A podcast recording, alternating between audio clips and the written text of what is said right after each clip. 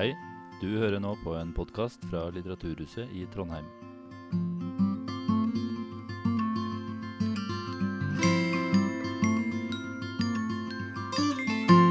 Velkommen til denne festkvelden med Dag Hessen, Thomas Hylland Eriksen, mer om det, og Arne Johan Vettelsen. Og temaet er altså Ja, vi kan gjerne hørt det tendens til en klapping her. En kan i grunnen klappe bare for det prosjektet å få de tre her eh, rundt samme bord, altså. De aner ikke hva det ligger bak. Eh, Temaet for kvelden er altså intet mindre enn 'mennesket i en skjebnetid'. Og også velkommen til de tre som eh, er nevnt her. da, Og for den som da savner Thomas Jylland Eriksen, så skyldes det eh, fly eh, og værforhold i Sandane. Men han har kommet seg til Gardermoen og er underveis til Trondheim og dukker opp her når eh, tiden er inne. Ja.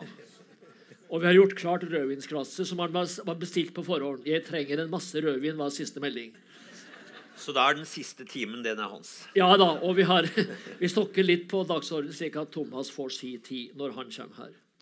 Men altså, hvem er det da vi snakker om disse tre her nå, da? Vi må si litt om det. Dag O. Hessen, Dag Olav Hessen, er professor i biologi ved Universitetet i Oslo. Og han er kjent for sin forskning innenfor økologi og evolusjon, og for sitt engasjement i skjæringspunktet mellom biologi, filosofi og etikk med vekt på å forstå menneskets vesen og ansvaret, nær sagt også som biologisk vesen.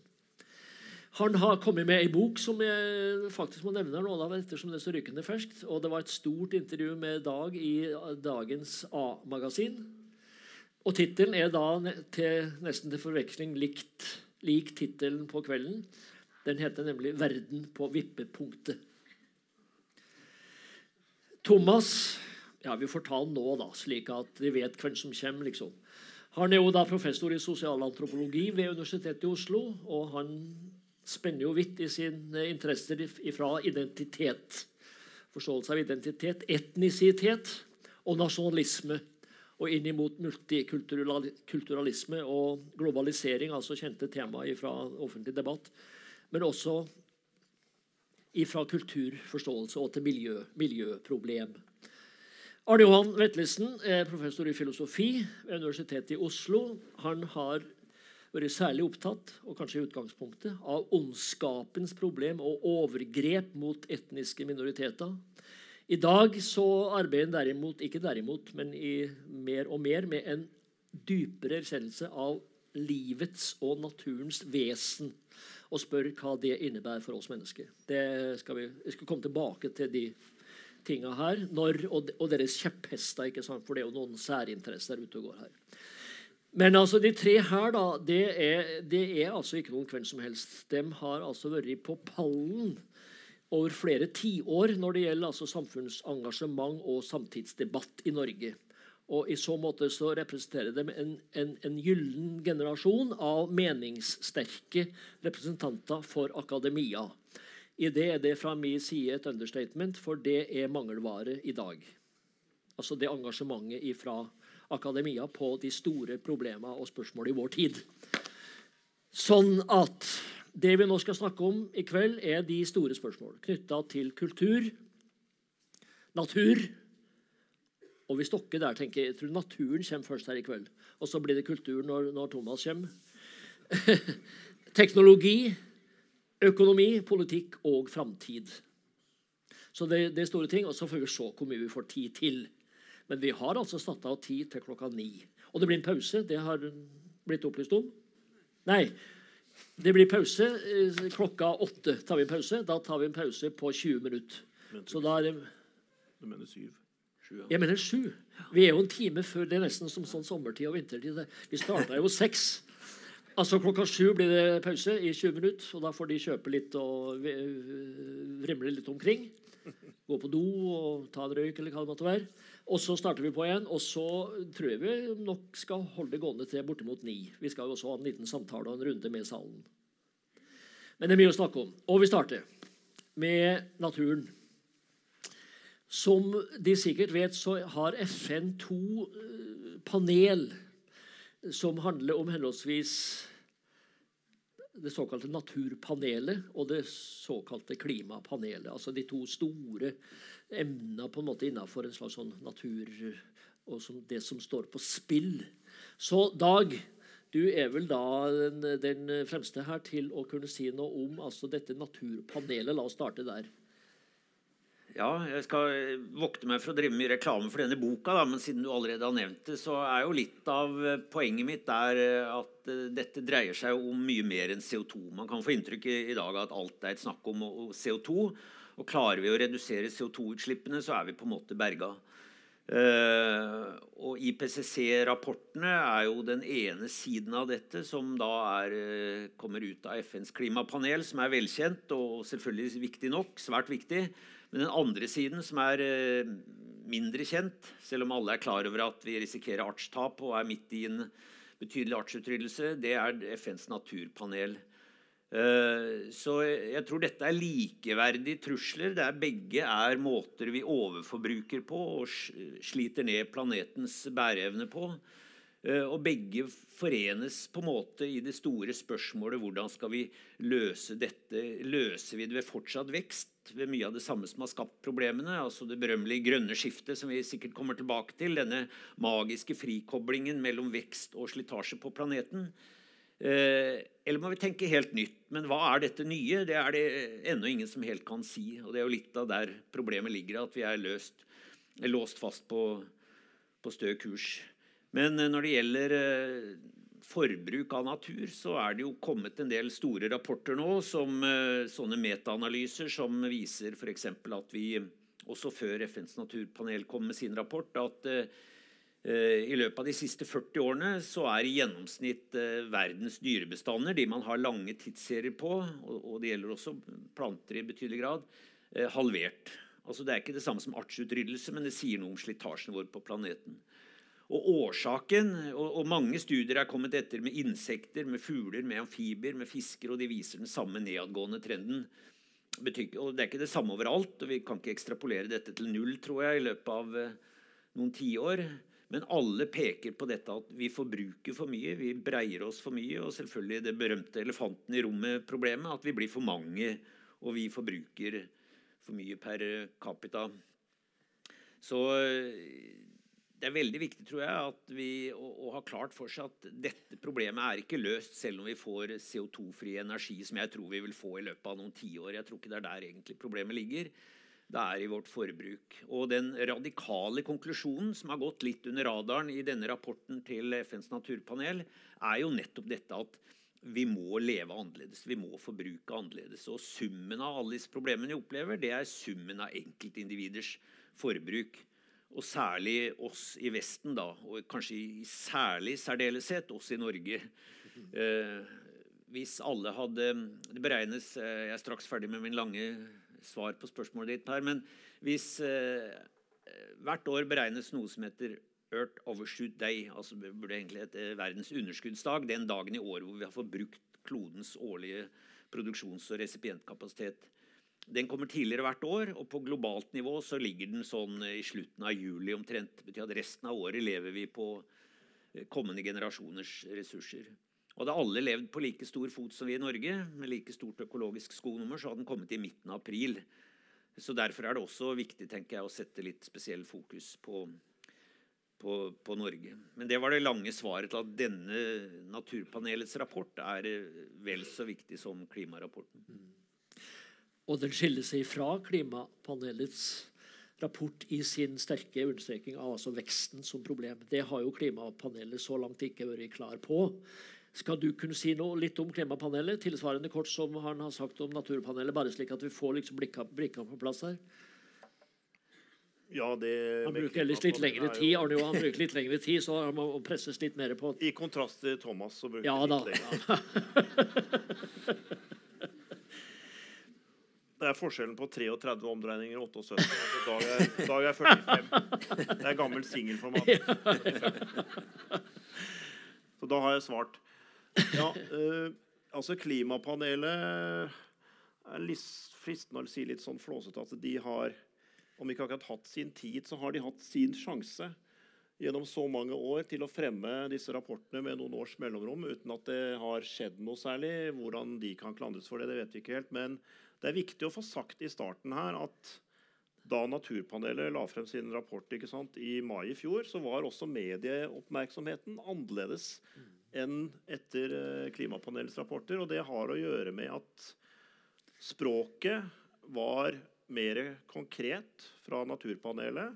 Vi kom vekk fra å snakke tall, CO2-kvoter, og om eh, markedsmekanismen kan løse problemet osv. Og, så og det er jo den måten vi har snakket om det på i noen tiår nå, som på mange måter har vært et, noen tapte tiår for å få løst problemet. I virkeligheten så har eh, disse utslippene som skulle gå ned, de har da jevnt og trutt gått opp. Så problemet har jo bare blitt forverret. Så jeg tenker også, kanskje som filosof, at uh, det har uh, mye å si å bringe hele problematikken nærmere egne erfaringer, og da også kunne bli mer oppmerksom på endringer og naturtap i den naturen man ferdes i og kanskje sammenligne med hvordan det var i egen barndom. og, og sånn, At uh, alt blir veldig konkret. En ting er at halvparten av verdens dyr har forsvunnet de siste 40-50 årene. Men en annen ting er å tenke hvilke fugler kunne jeg høre, hvilke rovdyr videre, kunne jeg håpe å treffe på i de områdene hvor jeg har ferdes gjennom hele livet. Så du har også en sånn sammenligning i det små som gjør at det blir uh, mye mer konkret. Fantastisk. Ett og et halvt minutt. Eh, nei og Det er også, som du var inne på, altså en slags liten konflikt mellom klima og natur. Jeg tenker bare på vindkraftsaken eh, som har tatt hele Norge, ikke sant? der du får det der satt på spissen. Jo, både og. Altså, disse tingene henger jo på mange måter tett sammen, og kanskje på andre måter enn folk tenker. Altså En, en intakt natur, eh, økosystemtjenestene gjennom fotosyntesen, binder jo i dag opp halvparten av våre CO2-utslipp. Så hvis vi stiller oss sånn at ikke den prosessen fortsetter, så er vi virkelig ille ute. Så, så det er en klar kobling der. Men jeg vil også si at det er eh, det opp oppgjøret på en måte som Naturpanelet tok med hele vekstfilosofien. Dette at vi skal kunne fortsette å vokse på evig kurs. Eh, den har vi ikke sett noe til i PCCs rapporter. De er mye mer tekniske og teknokratiske. Og dette er jo, tenker jeg, det helt avgjørende spørsmålet i dag, eh, og som går langt tilbake. Altså når Brundtland-kommisjonens rapport kom, så var jo eh, også vår egen Gro veldig klar på at en kursendring må til. Men så kom hun hjem og styrte her som statsminister under motto 'stø kurs'. Ja. Um, og det var jo en av de store diskusjonene allerede da. Kan, uh, kan dette fortsette med, med videre vekst? Uh, og svaret fra både Gro og, for så vidt rapporten var ja. Og ikke bare at det kunne, men at det var en forutsetning. Så Det er jo det store dilemmaet i dag. tenker jeg. Altså, de fleste oppegående mennesker er enige i at vi må gjøre et eller annet både når det gjelder klima og naturtap. Eh, men om vi skal løse det innenfor rammen av fortsatt vekst, eh, eller om vi må tenke annerledes, eh, mer kvalitet, mindre kvantitet, det er der det store skismaet ligger. Uh, unnskyld hvis jeg presser på tid. Sånn. Men nå skal du derimot få ta igjen med, med mer tid, for nå skal du få forklare for salen dette vanskelige nye ordet antropocen det er en beskrivelse av vår tids liksom, situasjon satt litt på spissen når det gjelder natur og kloden. Mm. Så vær så god. Ja, antroposenbegrepet er jo en ny betegnelse nettopp for å beskrive et nytt fenomen. Eh, så vi hadde jo ikke bruk for det tidligere, men i 2002 så ble det da foreslått av eh, den belgiske kjemikeren Paul Crutzen og har jo senere blitt akseptert da i, blant klimaforskerne og de som driver med Earth Science som betegnelsen for den nye geologiske epoken, som da avløser holocen, hvor vi har vært i flere hundre år. Så det nye med antropocen, altså antropos, menneske, sen tidsalder, det er jo at mennesket har da blitt skal vi si, den ene aktøren eh, som eh, preger påvirkningen på jordkloden med alle økosystemene og artene på en uh, mer kraftfull måte enn noen andre gjør. Så det har å gjøre med overeffektive teknologier som er spredt ut i tråd med globaliseringen, er virksomme på alle kontinenter, alle elementer, land og sjø og vann.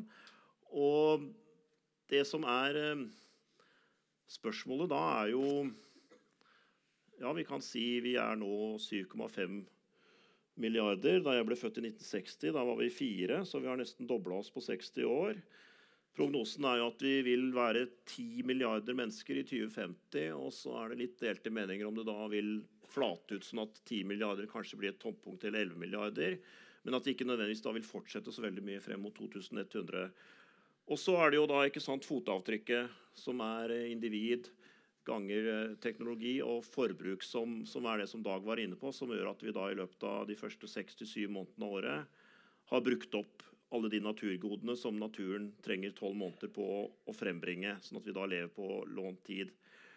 Og når vi da er i antropocen, så får vi også et spørsmål om, eh, om ansvar. Altså ansvar har å gjøre med makt, har å gjøre med påvirkning og har jo også å gjøre med den kunnskapen vi har om at vi har denne påvirkningen, som da Dag har beskrevet som en, som en slitasje, eller det som heter overshoot. Altså Vi er i systematisk overforbruk av naturgroder, også da begrensede naturgroder, og de som trenger tid på å regenereres. Så vi har jo den uh, kunnskapen også da fra sitt hold, ikke sant, FNs klimapanel og nå fra Naturpanelet, om at eh, vi er i systematisk overforbruk, at vi er den største eh, forandrende kraften. Men så reiser jo det også, kan vi si, eh, for mange i hvert fall, da, moralske spørsmål. Ja, hva er grunnene til at vi har fått en så dramatisk trend siden midten av 70-tallet, altså med en halvering av verdens dyr i individer? Det har å gjøre med fremvoksende økonomier. Spesielt i de to folkerikeste landene i verden. Vi snakker jo da Kina 1,4 milliarder, vi snakker India 1,3. Til sammen så er jo de to folkerikeste landene i verden da på 2,5 milliarder. Altså nøyaktig en tredjedel av hvor mange mennesker vi er i verden nå.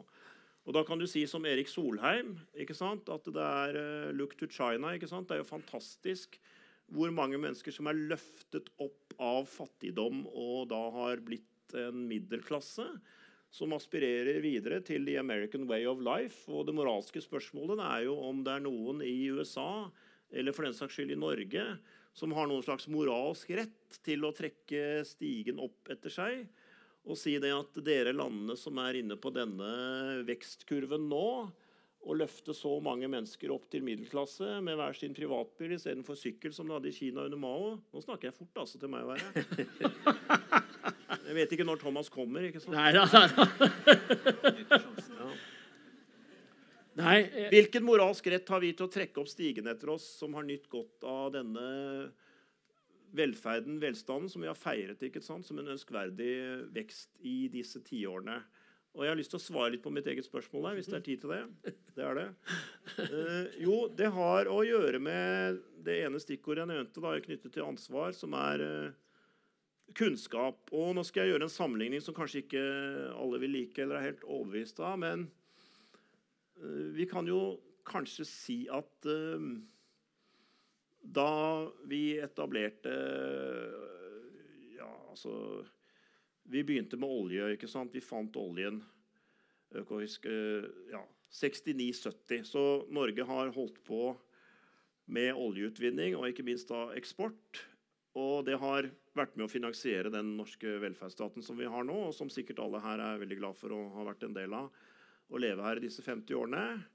Eh, men hvis du da liksom overfører det nå til disse andre landene som vil gjøre det samme løpet røftlig 50 år etter at vi gjorde det, og også da basert på fossil. Ikke nødvendigvis bare for eh, egen økonomi og eget hushold, ikke sant? Eh, olje og gass, men jo også kull, som de driver med fremdeles veldig mye i India. og også nå i Kina, som har masse solceller og sånn å vise til på den fløyen. ikke sant? så har de også et, eh, vedtatt nå 122 nye kullkraftverk. Så, så det er liksom helt schizofrent sånn sett. Det, det, er den samtidigheten i Kina mellom, mellom det verste så å si, og, og det miljøvennlige. Ja, og spørsmålet er jo da, når det gjelder kunnskap altså hvis du hører det der opptaket med Bratteli ikke sant? og, og begeistringen og, og, alt mulig, og også dette med å ville forvalte denne rikdommen da, som vi var så heldige å finne der, i et langsiktig perspektiv, og med moderat utvinning og alt dette, som, som var nettopp da ikke sant, ansvar basert. Men egentlig ikke på så mye kunnskap om det vi er opptatt av nå. Altså CO2 og, og global oppvarming osv var jo ikke et tema. Ja, ja, vi hadde Stockholm-konferansen i 72 osv., men altså rundt 70. Det jeg vil frem til, det er at kunnskapen om hvor skadelig for hele verden det vil være nå for nye millioner eller milliarder av mennesker å kopiere den veksten vi har hatt gjennom de siste 50 årene, den tilsier at eh, det ikke er noen som helst uskyld knyttet til å ville repetere dette der. Og hvis du kan bruke Jeg skal avslutte. altså Hvis du Du må ta et ansvar for konsekvensen av de handlingene du gjør, med hensyn til hva som er tilstanden i verden, i det øyeblikket du sender konsekvensen av dine handlinger ut i den. Skal du fylle på et glass, så er det én ting å fylle på når det ikke er noe der fra før av. En annen ting er å fylle på mer når det er i ferd med å renne over. Og Det tror jeg er et bilde på, på hvordan jeg ser situasjonen der. Så til en viss grad så kan man si at uh, ingen har moralsk rett til å trekke opp stigen etter seg og nekte andre den utviklingen de selv har nytt godt av.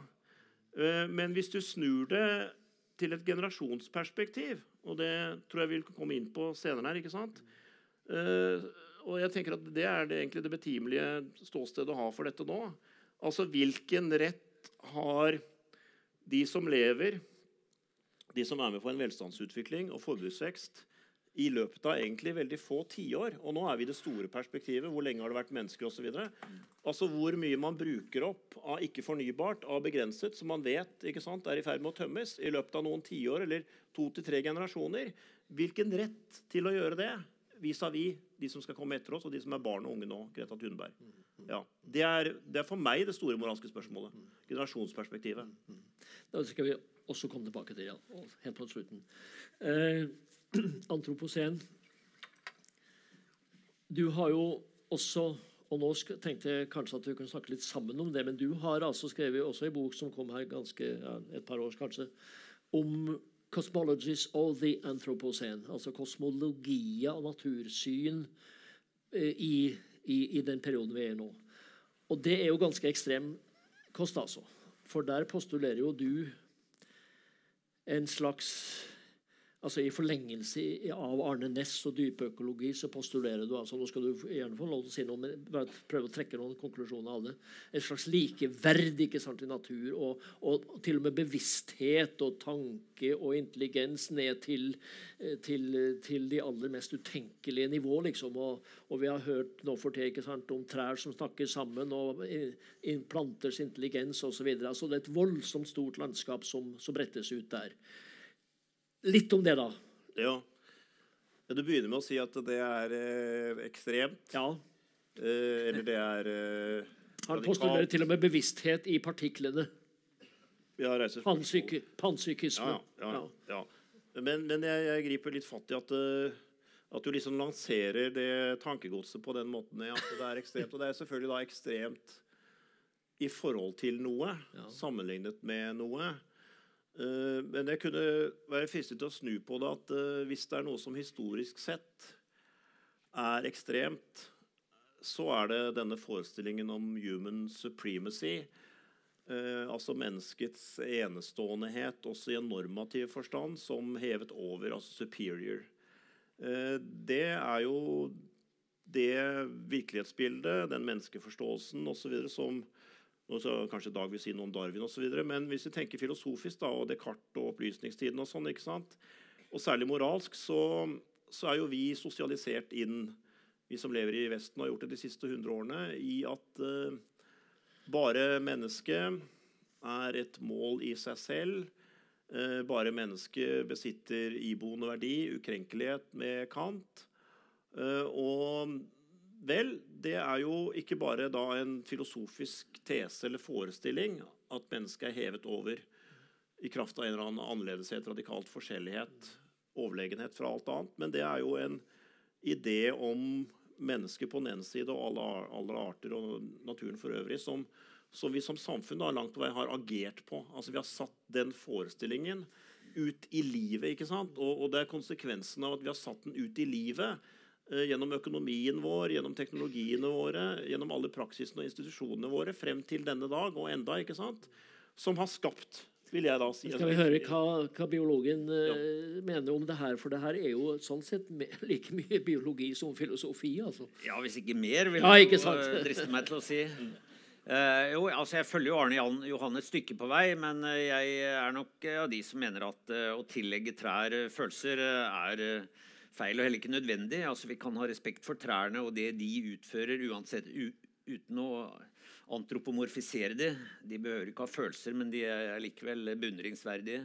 Men eh, når det gjelder eh, vårt forhold til dyr, så er det helt åpenbart. Altså, jo mer vi lærer om dyr, og ikke bare de som står oss aller nærmest, de andre primatene, men også andre pattedyr, og egentlig ganske langt ned i dyreriket, så har de veldig mye av de samme følelsene. Det er jo de samme genene som går igjen. Naturen gjenbruker jo de samme genetiske løsningene de samme signalstoffene i hjernen som gjør oss deprimerte eller lykkelige, eller til og med på heldige dager kan følge blaff av mening, mm. fins jo hos dyr også. Ja.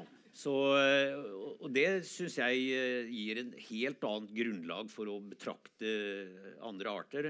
Jeg griper meg ofte i å si medskapninger, men som evolusjonsbiolog prøver jeg å unngå det ordet. Mm. skapning. Mm. Um, så den biten er jeg helt med på. Det er klart Både det kartsianske synet og for så vidt også den kristne forvalter- og herskerdoktrine uh, har gjort at vi har tillagt oss selv rettigheter for dyr som, uh, som eh, på ingen måte er et tilbakelagt stadium. Altså Det moderne industrielle husdyrhold er jo et godt eksempel på hvordan vi fortsatt velger å bruke den kartsianske doktrinen i praksis, selv om vi skjønner at dette er feil, og at dyr også lider og kan føle frihetsberøvelse og glede når de ja. kommer ut. Det er bare å se kyr som slippes ut på ja. vårbeite, eller hunden, eller så, så, det tror jeg er helt riktig. og jeg, Også boka di om the denial of nature. Dette at vi på en måte har kutta navlesnora på en måte til naturen.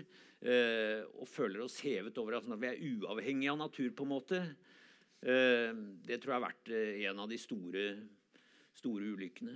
Og så er jeg som evolusjonsbiolog interessert i dette at eh, det er klart vi som mennesker ser at mye av dette er feil. Og vi ser også, og har visst i mange år, Allerede i 1962 så, så, samlet man et knippe forskere og advarte mot det man observerte, at, eh, altså Keeling, mannen bak denne lengste CO2-kurven, at noe var i ferd med å skje. Nå burde vi tenke annerledes på det. Så det er jo ikke det at vi ikke har visst dette, og vi erkjenner det rasjonelt, men vi klarer likevel ikke å gjøre noe. og jeg tror vi på mange måter er evolvert for kortsiktighet. Det er veldig mye godt å si om mennesket. Jeg har skrevet en hel bok om det, at mennesket er bedre enn sitt rykte. Nå er ryktet dårlig, da, men vi, vi, er likevel bedre og ikke helt ufortjent, men vi er bedre enn vårt rykte. Det er veldig mye godt å si om mennesket. Vi har en medfødt empati. Vi har samvittighet, som vi kanskje kan komme tilbake til når det gjelder eh, samvittighet i forhold til miljøet. Eh, men vi har altså en, en, kortsiktighet tror jeg, som har vært rasjonell i hele vår forhistorie, hvor det har vært få mennesker og en endeløs natur. Nå er dette i ferd med å snu. Eh, vi er i ferd med å bli endeløst mange mennesker. og som du sier, Demografien klarer ikke helt å spå hvor mange vi blir, men antagelig over 10 milliarder. Og, og en sterkt krympende natur. Bare et sånn eh, antropo, antropocen-nøkkeltall er jo forholdet mellom kjøttvekta av landlevende pattedyr. Der er det én eneste art, Homo sapiens, altså selv utgjør 36 Husdyra våre utgjør 60% Det som er igjen til resten av pattedyrene fra mus til elefant, det er 4 Så Det er også et sånt tall på hvor mye vi har lagt verden under oss. Det var voldsomme tall. Du skulle kommentere der? komplettere litt, fordi at nå var jo min feil da, men liksom, nå har vi amputert dette spørsmålet om, om, kosmologier, som var det du stilte. ikke sant? Så nå ja. har vi jo snakket om hvordan, hvordan det har vært etter at uh, vi fikk det mekanistiske verdensbildet med Descartes osv. fremover til der vi er nå, som en viktig årsaksfaktor vil jeg si da, til uh, den skjevheten vi har.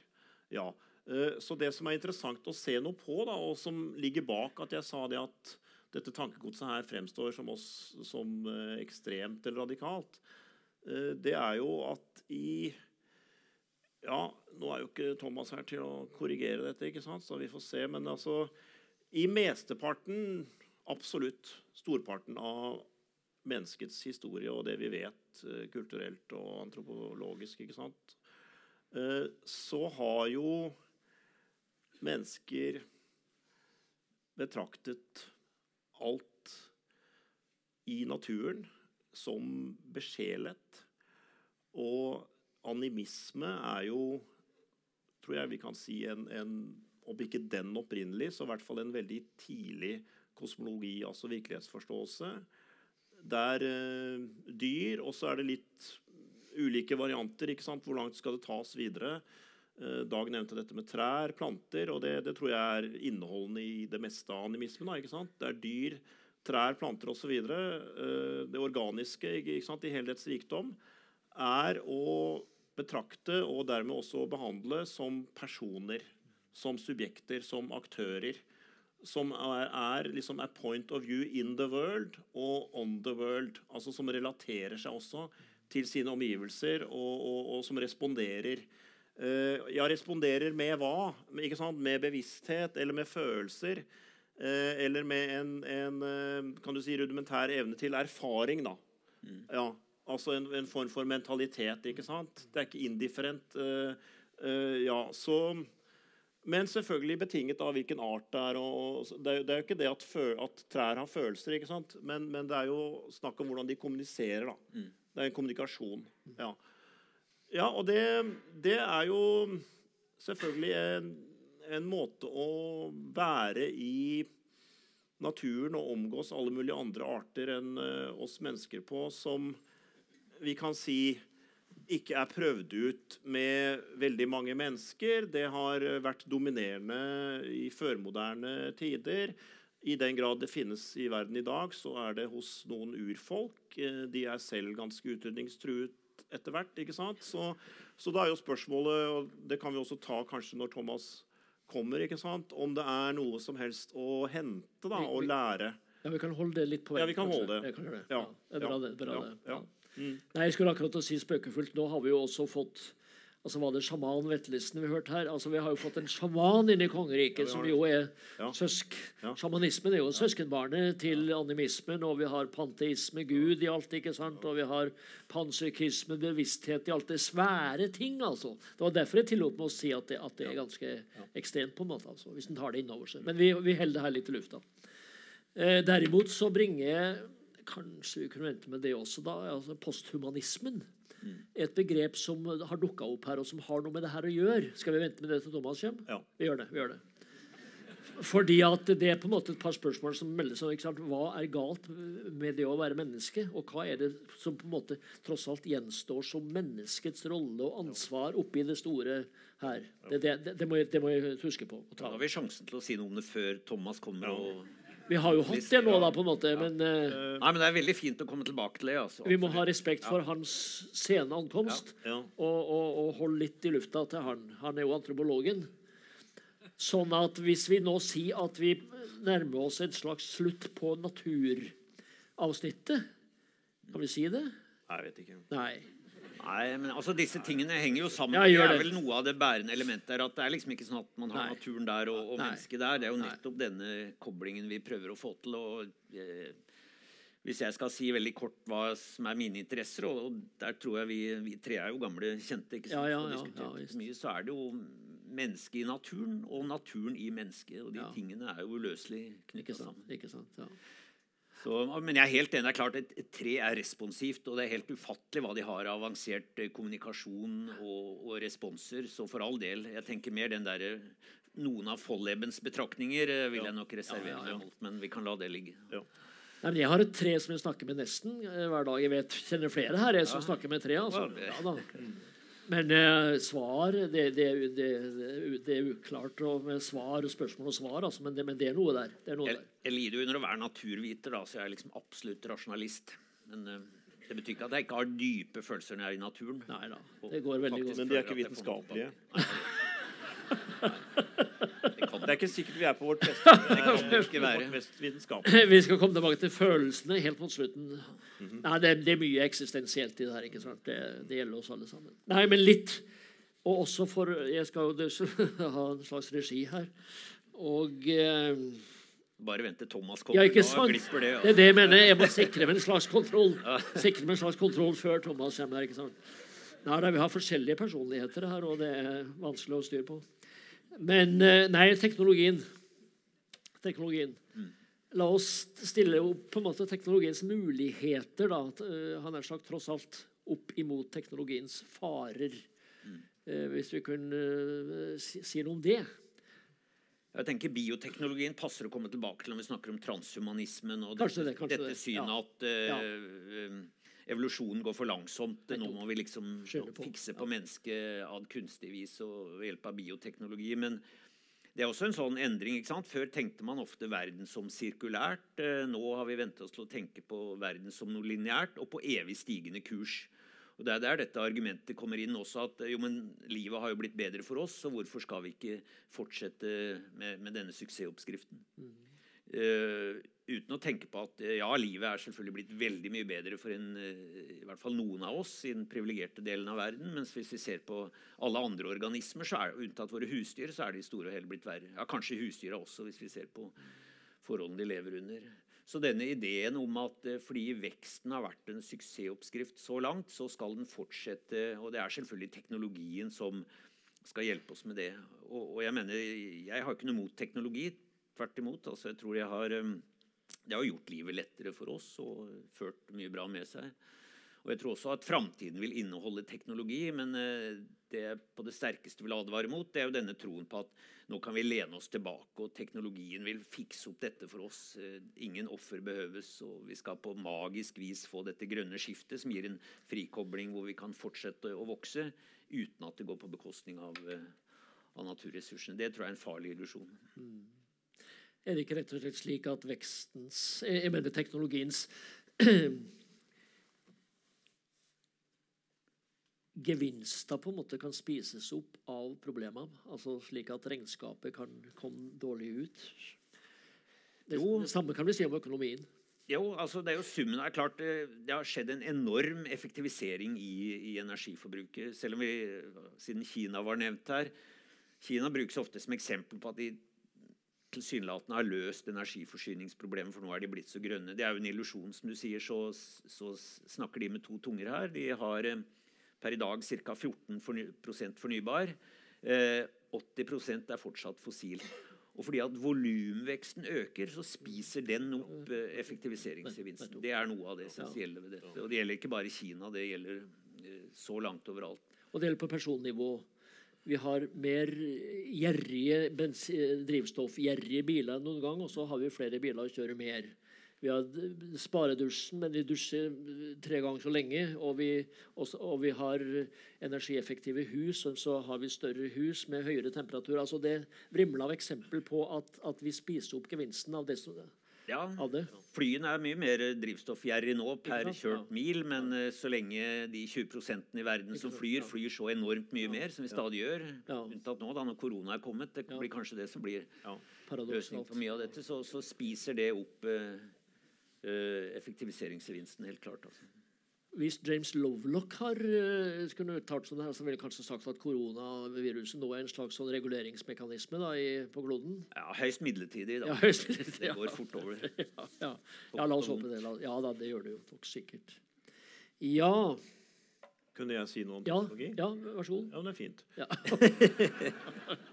Ja, eh, jeg har vært opptatt av teknologi på en litt annen måte enn eh, hvordan det ble snakket om eh, nå. Og det er i tilknytning til det jeg kaller abstraksjon. At teknologi har jo, som Dag sa, ikke sant, eh, gjort livene våre bekvemmelige. Jeg har fjernet mye av det som var slitet og monotonien. og og det at vi var veldig utlevert til naturkreftene og årstidene. og ja, altså historisk så har jo ikke sant, alterneringen, rytmene i naturen når det er kaldt, og når det er varmt, og når det er lyst, og når det er mørkt osv., avhengig av hvor på kloden vi snakker, så, så har jo det skapt rammene og også dermed begrensningene for våre aktiviteter som samfunn. Altså hva vi kan gjøre når og hvor, har liksom vært satt i rammer av hvordan naturen foreligger avhengig av sted. Og Dermed så er det noen ting vi kunne drive med bare den årstiden, og andre ting kunne vi drive med bare en annen årstid, og avhengig av temperatur osv. Så sånn. Uh, ja, og da kan vi si at teknologi, sånn som vi tenker om det nå, og med disse teknologiene som særlig er utviklet i nyere tid, uh, så har vi snakket generelt liksom menneske, Menneskeheten har i kraft av nye og stadig mer effektive, for ikke å si overeffektive teknologier, klart lykkes med å, å, å, løsrive seg fra denne stedlige, tidlige prisgittheten til naturomgivelsene der det angjeldende samfunnet eller gruppen lever. Det har vi lykkes med, eh, og det kan vi gi masse eksempler på. Altså Én ting er at vi sitter her slutten av eh, februar. Det er da den mørke årstid. Det er jo nå mørkt ute. Eh, det er til og med noen kuldegrader ute. Eh, men vi sitter her med de 20 varmegradene vi gjerne vil ha. Vi sitter her med den belysningen vi gjerne vil ha. Og det sørger jo teknologien for. ikke sant? At vi har den belysningen vi har, uansett hvilken årstid det er. Uansett hvilken tid på døgnet det er, så har vi den temperaturen vi har. Og så, videre. så alt dette er jo sånn sett da, sant, selvgående. Og det betyr at vi tar for gitt at disse teknologiene de bare er der og liksom gjør sin jobb, og det er autostat, ikke sant? Og, og, det, og det går sin gang på den måten at vi trenger ikke som individer gjøre noen innsats og dermed heller være i berøring med og være bevisst om eh, hva som skal skape liksom, settingen for det vi skal gjøre. Og Det er jo også en sånn ting som at det heter jo primærnæringene. Og Inntil ikke så veldig lenge siden så var jo de fleste i et land som Norge de var eh, bønder eller de var fiskere. Og de hadde da også en direkte sånn fysisk førstehånds ikke sant, erfart omgang med, med, noe de skulle hente ut av naturen på vegne av fellesskapet. Nå er det 3 eller 4% i et land som Norge som er i den type næringer. Og resten, da, 95 av oss, ikke sant, vi, vi bare kan ta for gitt at dette blir sørget for.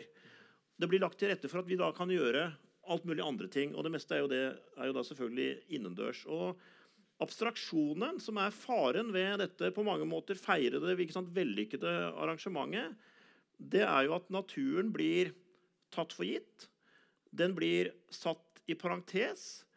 Og det kan vi si, det, det nærer en, en, en, vil jeg da si, fiksjon eller illusjon om at vi eh, dikterer naturen, så å si. Vi dikterer overfor naturen eh, hva vi vil gjøre. Og så får vi liksom det levert via teknologi og på andre måter fra naturen eh, for oss.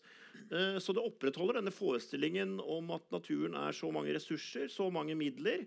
Det blir sørget for, og, og det er våre formål og interesser og så videre, behov som, som, som, det kommer an på. Og jeg tenker at det er eh, en eh, abstraksjon, fordi at det fører også til at vi ikke er så mye ute. Vi er ikke så mye sansemessig, kroppslig, førstehånds i berøring med også forandringer i naturen. Naturtap, som vi kan si er en form for varsellamper. Advarsler som er, som er farlige endringer. Når vi snakker om klimaendringer og naturtap, så snakker vi jo ikke bare liksom sånn deskriptivt eller statistisk. Og, Men vi snakker jo om noe som er farlig, når vi tenker videre hva, hva det vil føre til. Eh, det er jo endringer som ikke burde skje, og i hvert fall ikke burde globaliseres og akselerere osv. Eh, og jeg tenker at det er noe med hele vårt menneskelige sensorium da, for, å, for, å, fange opp dette, som nå er svekket. Eh, vi er så innkapslet med hensyn til hva som skjer i naturen, hva som foregår der, overhodet og sånn. Vi kan si det er en type distansering eller en type fremmedgjøring eller en type splittelse. Eh, og vi kan jo også si noe om dette i forbindelse med, med, barn. Altså Det har å gjøre med endringer bare i løpet av en eller to generasjoner. Altså Da jeg vokste opp, sant, så Vi spilte jo fotball på Løkka. Uh, og så var det hoppbakken, og så var det skøytebanene. Jeg var på det stedet hvor jeg vokste opp uh, for noen år siden, for første gang på flere tiår. Det er jo ingen på fotballøkka. Uh, Overende på hoppbakken det er jo bare falt ned osv. Og, så og nå ikke om det er kaldt nok engang til å gå på skøyter selv om det er februar. ikke sant? Uh, så det er, det er, noe med det at vi har jo blitt mer og mer et sånt innendørssamfunn. Og det forsterker dette at vi ikke er i noe kontakt med Og, og for nye generasjoner så kan vi si det at eh, altså aldri har det vært en generasjon mennesker som er Kommer den?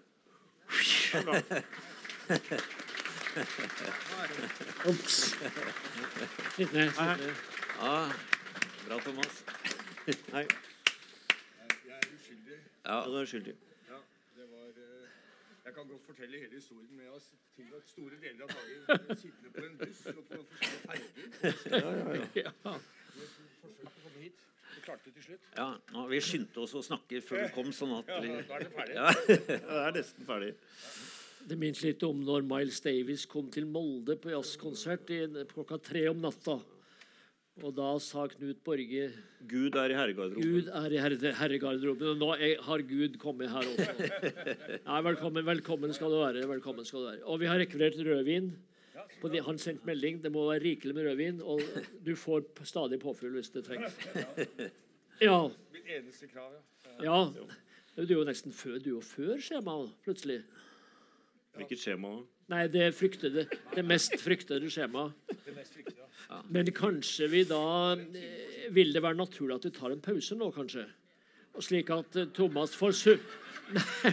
Nei, men Så får han summe seg litt.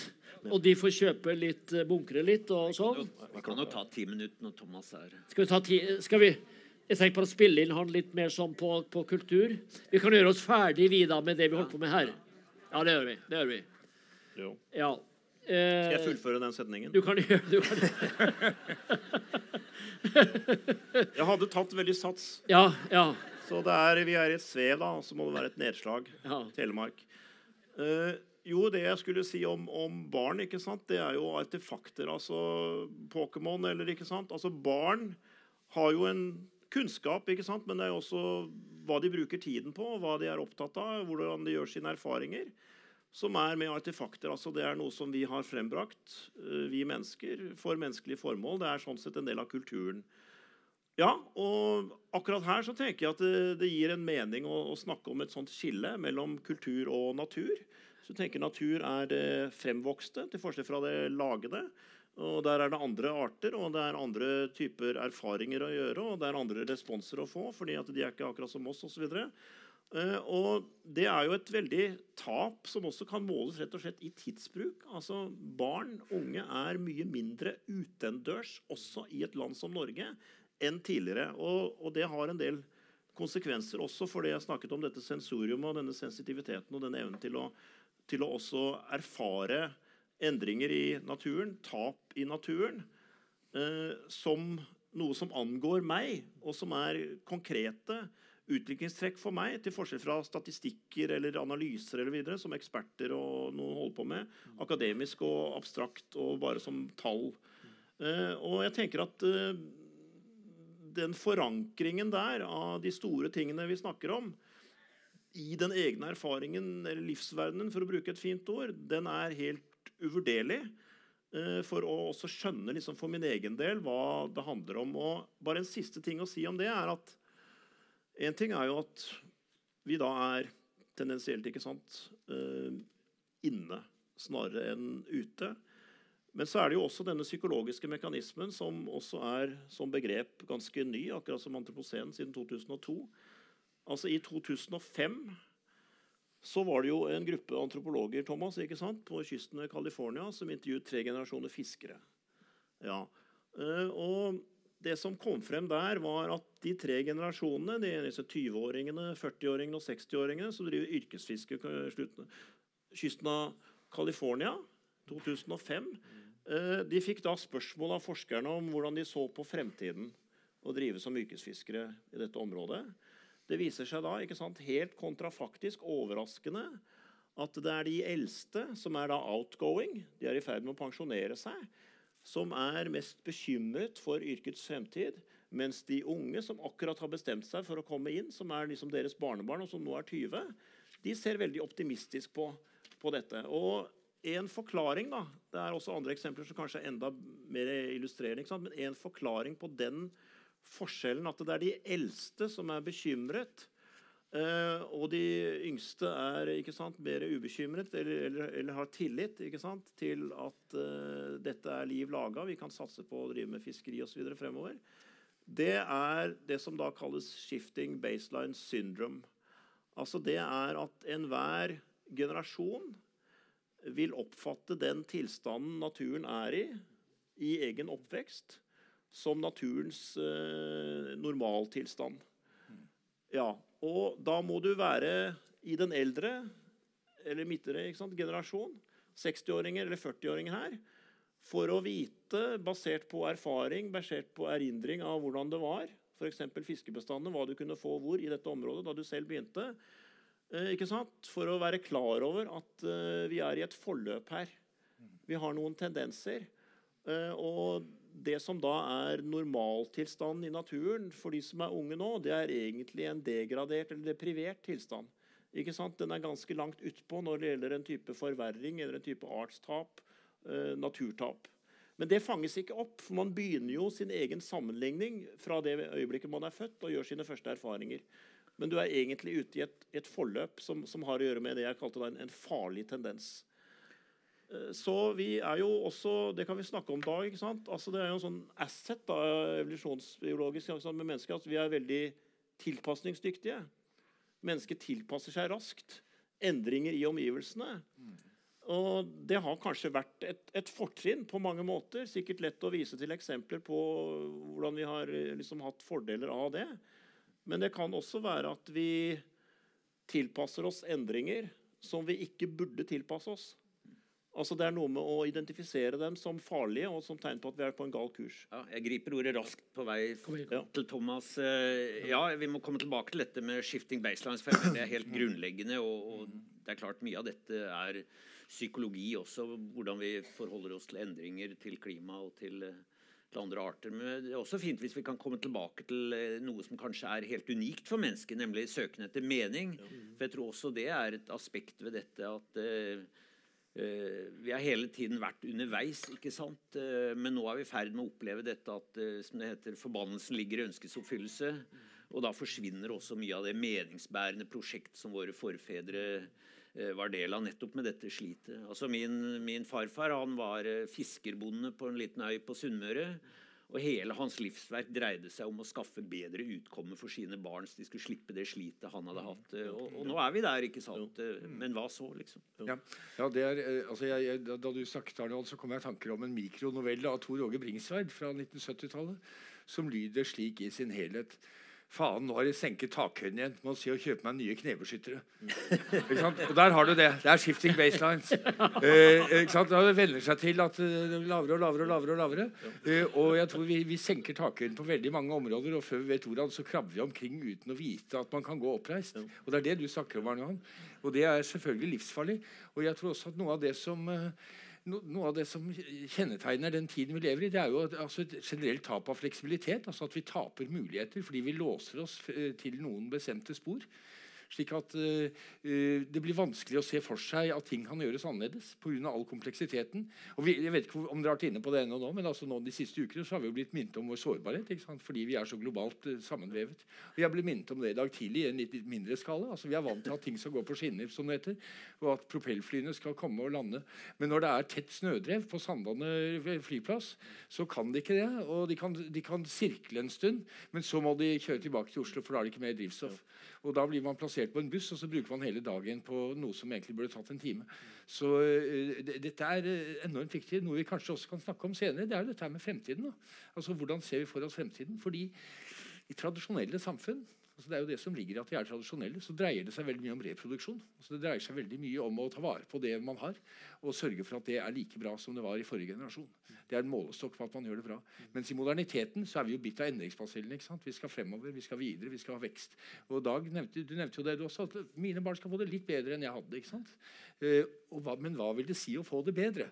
Altså jeg, vi, jeg, jeg, vet ikke om jeg er enig om det, men jeg tror vi skal holde fast ved noen av disse eh, moderne prosjektene som handler om at vi skal gjøre verden bedre og gjøre våre liv bedre.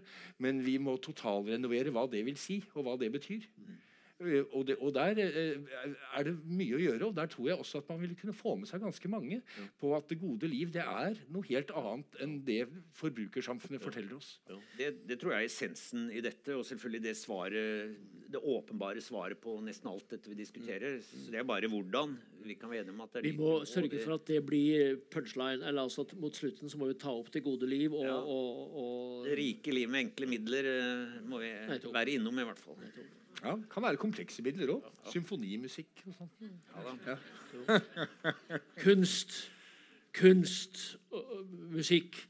Altså Det er mange assosiasjoner i mitt hode her nå. For eksempel så har vi Erik Stenvik der, som var sammen med Hans Rotmo var her før jul og snakka om utvikling i det norske landbruket, som jo er parallell til fiske og alt sammen. Så har vi Håkon Bleken der, som vi snakka om, om kunst og, og, og, og liv og mening. Og så har vi altså hatt Hva var det tredje vi sa her? Det var Ja. Men det er altså masse tilknytningspunkt. Men nå skal vi ha en pause. Men altså, nå kom jo Thomas, og vi lovde han allerede underveis at han må jo få ta igjen litt her. Så derfor så skal jeg nå spille inn Thomas direkte. Men likevel, før vi kommer til det som er enda mer ditt område, så skal vi ta opp en liten tråd fra det som vi snakka om, og som ender over i kulturelle i en eh, spørsmål. Som for eksempel så trakk vi en linje her fra Arne Næss i sin tid med sin dypøkologi og fram til Arne Johan Vetlesens kosmologier i vår tid, som jo jeg tillot meg å si er, ganske vidtrekkende altså, i, i, i, i, i, i eh, sine konsekvenser og sin bredde. ja. Så om du kunne slutte det til det, og så tenkte jeg at du generelt da kunne gå litt inn og kultur, natursyn. Vi var innom animismen her, og dere vet du var kilde og partner her. Så hvis du kunne ta litt av den tråden der. Ja, jeg vil først begynne med, Nå vet jeg ikke hva dere har sagt på forhånd, men altså at eh, Arne Van Vetlesens eh, filosofi er på mange måter mer radikal, mye mer radikal enn Arne Næss. Fordi Arne Næss var fremdeles innerst inne en slags positivist som ville måle og telle ting. Eh, han skulle måle liksom eh, gevinsten av å ha en motorvei eh, versus liksom lidelsen hos de som da bodde rett ved den. Og hvis, hvis, du kan, hvis gevinsten liksom er to per de som kjøper, men så er smerten og lidelsen ti for de som bor i nærheten, så skal vi kanskje vurdere ikke å bygge den motorveien. Så, så han, han, gikk, han gikk ikke like langt, og han gikk heller ikke dypt inn i andre kulturer, men han var nysgjerrig på det. Altså, han skrev en bok en gang som het 'Hvilken verden er den virkelige?', hvor han gikk ganske langt i retning av en type filosofisk skeptisisme. Altså eh, tanken om at det ikke finnes en objektiv virkelighet som eh, er tilgjengelig, eh, men at det finnes ulike måter å skape verden på i samspillet mellom natur og kultur. Men, eh, men jeg, jeg opplever at vettlesen går lenger. Ja. I, ikke minst i å gå inn i en dialog med andre virkelighetsforståelser. Og se om det ikke er noe der som vi har mistet. Eh, og det, et tveget, det kan være et tveget sverd, og det har vi diskutert eh, tidligere. Arne Johan. Eh, fordi en risiko er at man begynner å tenke som så at vi skal bli som urfolk. Fordi de klarte å leve bærekraftig.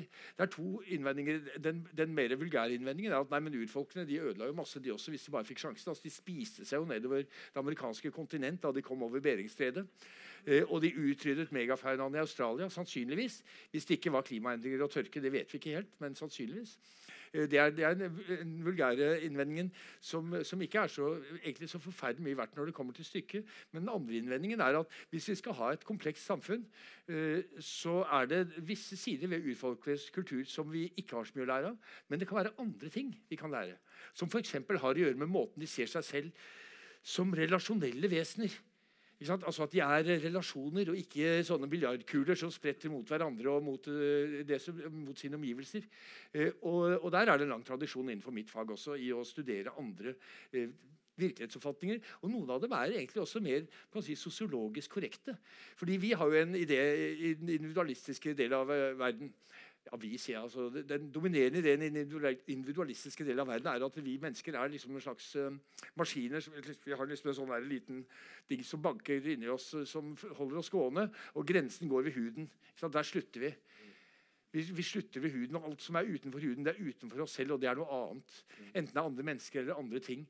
Mens folk i Melanesia, for eksempel, altså på Ny-Guinea og øyene utenfor Ny-Guinea, de vil stort sett betrakte mennesker som summen av de relasjoner de har til omverdenen. Og da har vi antropologer, og vi har jo syndet like mye som filosofene når det gjelder holdningen til naturen. Det er først i de siste årene at det har begynt å endre seg. Så har vi stort sett sett på det i, som relasjoner til andre mennesker. Altså F.eks. det at du er ikke død når du dør. Når du slutter å puste, er du ikke død. Du er død først når alle dine forpliktelser overfor omverdenen er gjort opp. Altså Du har fått igjen alt folk skyldte deg. Du har, dine etterkommere har bedt noen om unnskyldning. Først da kan man si at vedkommende er død. altså Når relasjonen er avsluttet. Så vi mennesker er da prosesser. Og det er en mer korrekt måte å se på mennesker på enn den som er dominerende her. og, og kan fortelle oss mer. Og Hvis vi da utvider det til også å gjelde naturen, hvor den blir en samtalepartner og noe vi er en del av, så, så får vi et annet resultat. Og der tror jeg, altså I kosmologiboken til Arne Johan det er svært, svært, en veldig challenging eh, bok eh, ikke sant? Som, eh, som presser mot grensene av hva man kan si egentlig innenfor filosofi presse mot språkets grenser, presse mot rasjonalitetens grenser, og forteller oss at her er det måter å se verden på som vi har noe å hente fra, og som vi har mistet, som vi kanskje hadde her tidligere. Mm. Og det tror jeg vi hadde. Uh, og det mistes suksessivt. Det er som han sa rett før pausen. Skal ikke jeg holde en hel forelesning her. altså. Jeg bare, si en, jeg bare for å si en ting. Altså, han, eh, akkurat da jeg kom, så snakket han om forholdet mellom artifakter og natur. altså Det vi har laget, og det som ikke er laget. Men også når det gjelder artifakter, så har det jo skjedd en forandring ganske fort. Når det gjelder f.eks. håndverk. Jeg var på besøk i går uh, i et hus i Sandane. det var før snøstormen begynte, som gjorde at vi ble værfast. Hjemme hos en eksentrisk kar og hans familie. Det var veldig, veldig morsomt. Og det huset er fra 1860. Dvs. Si deler av det er fra 1860. Og når det skulle pusses opp, så oppdaget jeg at nei, de delene fra 1860 de kan bli stående. Det er malmfuru. det. Så det, er, eh, det, kommer til å holde i 200 år til. Mens det som er fra 1930- og 40-årene, det måtte rives og, og, og, bygges opp igjen. Ikke sant? Så, eh, så, også når det gjelder måten å lage artifakter på, håndverk mm. Eh, det å lage, gjøre ting med hendene ja så har det skjedd noe dramatisk. Vårt eksempel fra loppemarkedet, yes. skolemusikkens loppemarked. Yes. Ja, kanskje du skal dra det? Uh, ja, det er jo eh, Det tangerer noe annet, men det er jo dette med forbruksmønsteret vårt. At uh, vi lager jo ikke lenger ting for at de skal vare for evigheten, sånn som man gjorde den gangen. Man Nei. bygde jo hus Uh, altså Det var en lang prosess for å få et tre som var metta med harpiks og kunne stå for evigheten. Mm. Og når du sager i det etter 200-300 år, så lukter det fortsatt ja friskt av det til dagens raskvoksende grad. Men i hvert fall også tingene vi lager, er jo lagd bare for å vare til det kommer en ny mote, en ny farge. Så, så vi brukte, brukte, et eksempel i denne tredemøllekappløpboka vår om eh, loppemarkedene på skolen. Og alle som har vært med på det, vet at eh, når loppemarkedene er over, så er det masse gamle møbler som står igjen og de skal komprimeres, eh, for du betaler per eh, areal eller per volum i konteinerne når det skal kastes. Mm, mm, mm. Møblene som er fra 60-70-tallet oppover, de kan du bare sparke. Det er billig limtre, og det bare knekker sammen. For de er ikke lagd for å vare mer enn eh, maks ti år. Eh, de fra 50-60-tallet, der krever det litt mer. Altså, mens de gamle tremøblene med massivt tre og innfelt i hjørner, de fikk du ikke fra hverandre med slegge, for de var lagd for å vare. For. Ja, ja, ja. Ikke sant? Mm, mm. Og da var det jo som uh, Frode Grytten sa en gang. Han snakket om uh, liksom, gentrifiseringen av Dublin, som han, han, var veldig glad i. En bok om, om Dublin. Hvor det er, noen, det er jo kriker og kroker og gamle puber og, og, og, og sånne mørke smug osv. Så men det er også veldig mye sånn flashy nytt. Uh, og Så sa han at uh, vel, han likte jo bedre det gamle Dublin. Og av og til sier i en gammel stol enn i en ny. sa han. Og jeg mener det er feil, da, fordi du sitter alltid bedre i en gammel stol enn i en ny. Ikke bare av og til. Ikke? Fordi den har tilpasset seg deg. Og dere har på en måte vokst sammen. altså Dette ligner litt på det Arne han snakker om hensyn til naturen. Eh, og dere har noen felles erfaringer som du aldri får med en ny stol fordi den er ny.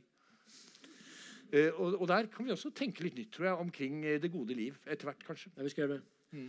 Hvis du går på en auksjon, ikke sant, så kommer det nettopp en sånn gjenstand ikke sant, som er virkelig solid håndverk.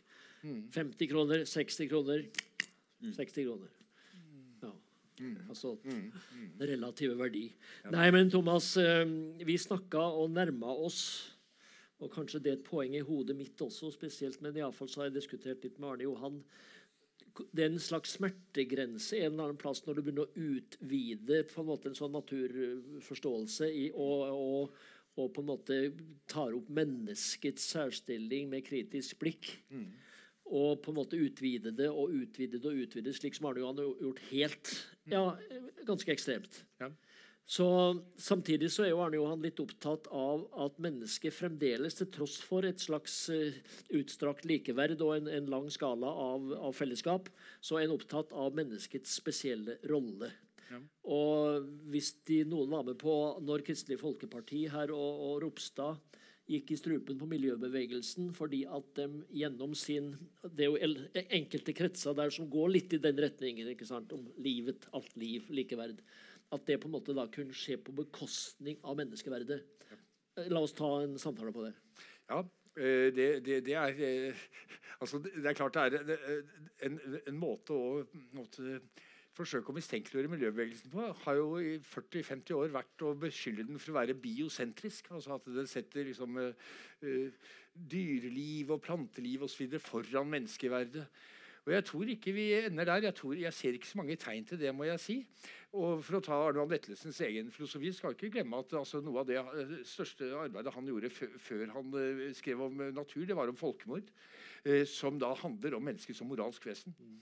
Altså at vi, uh, vi, tar stilling, og vi har begreper om riktig og galt som neppe finnes hos andre arter. Men vi kan nærme oss dette kontinuumet av liv på andre måter, som også vil kunne fortelle oss noe. Og Jeg er for min del veldig glad i denne retningen innenfor biologi som heter biosemiotikk. altså Hvor man leser da naturen som et tegnsystem, altså et kommunikasjonssystem forbundet bl.a. med den nylig avdøde danske biologen Jesper Hoffmeier, men også en del andre.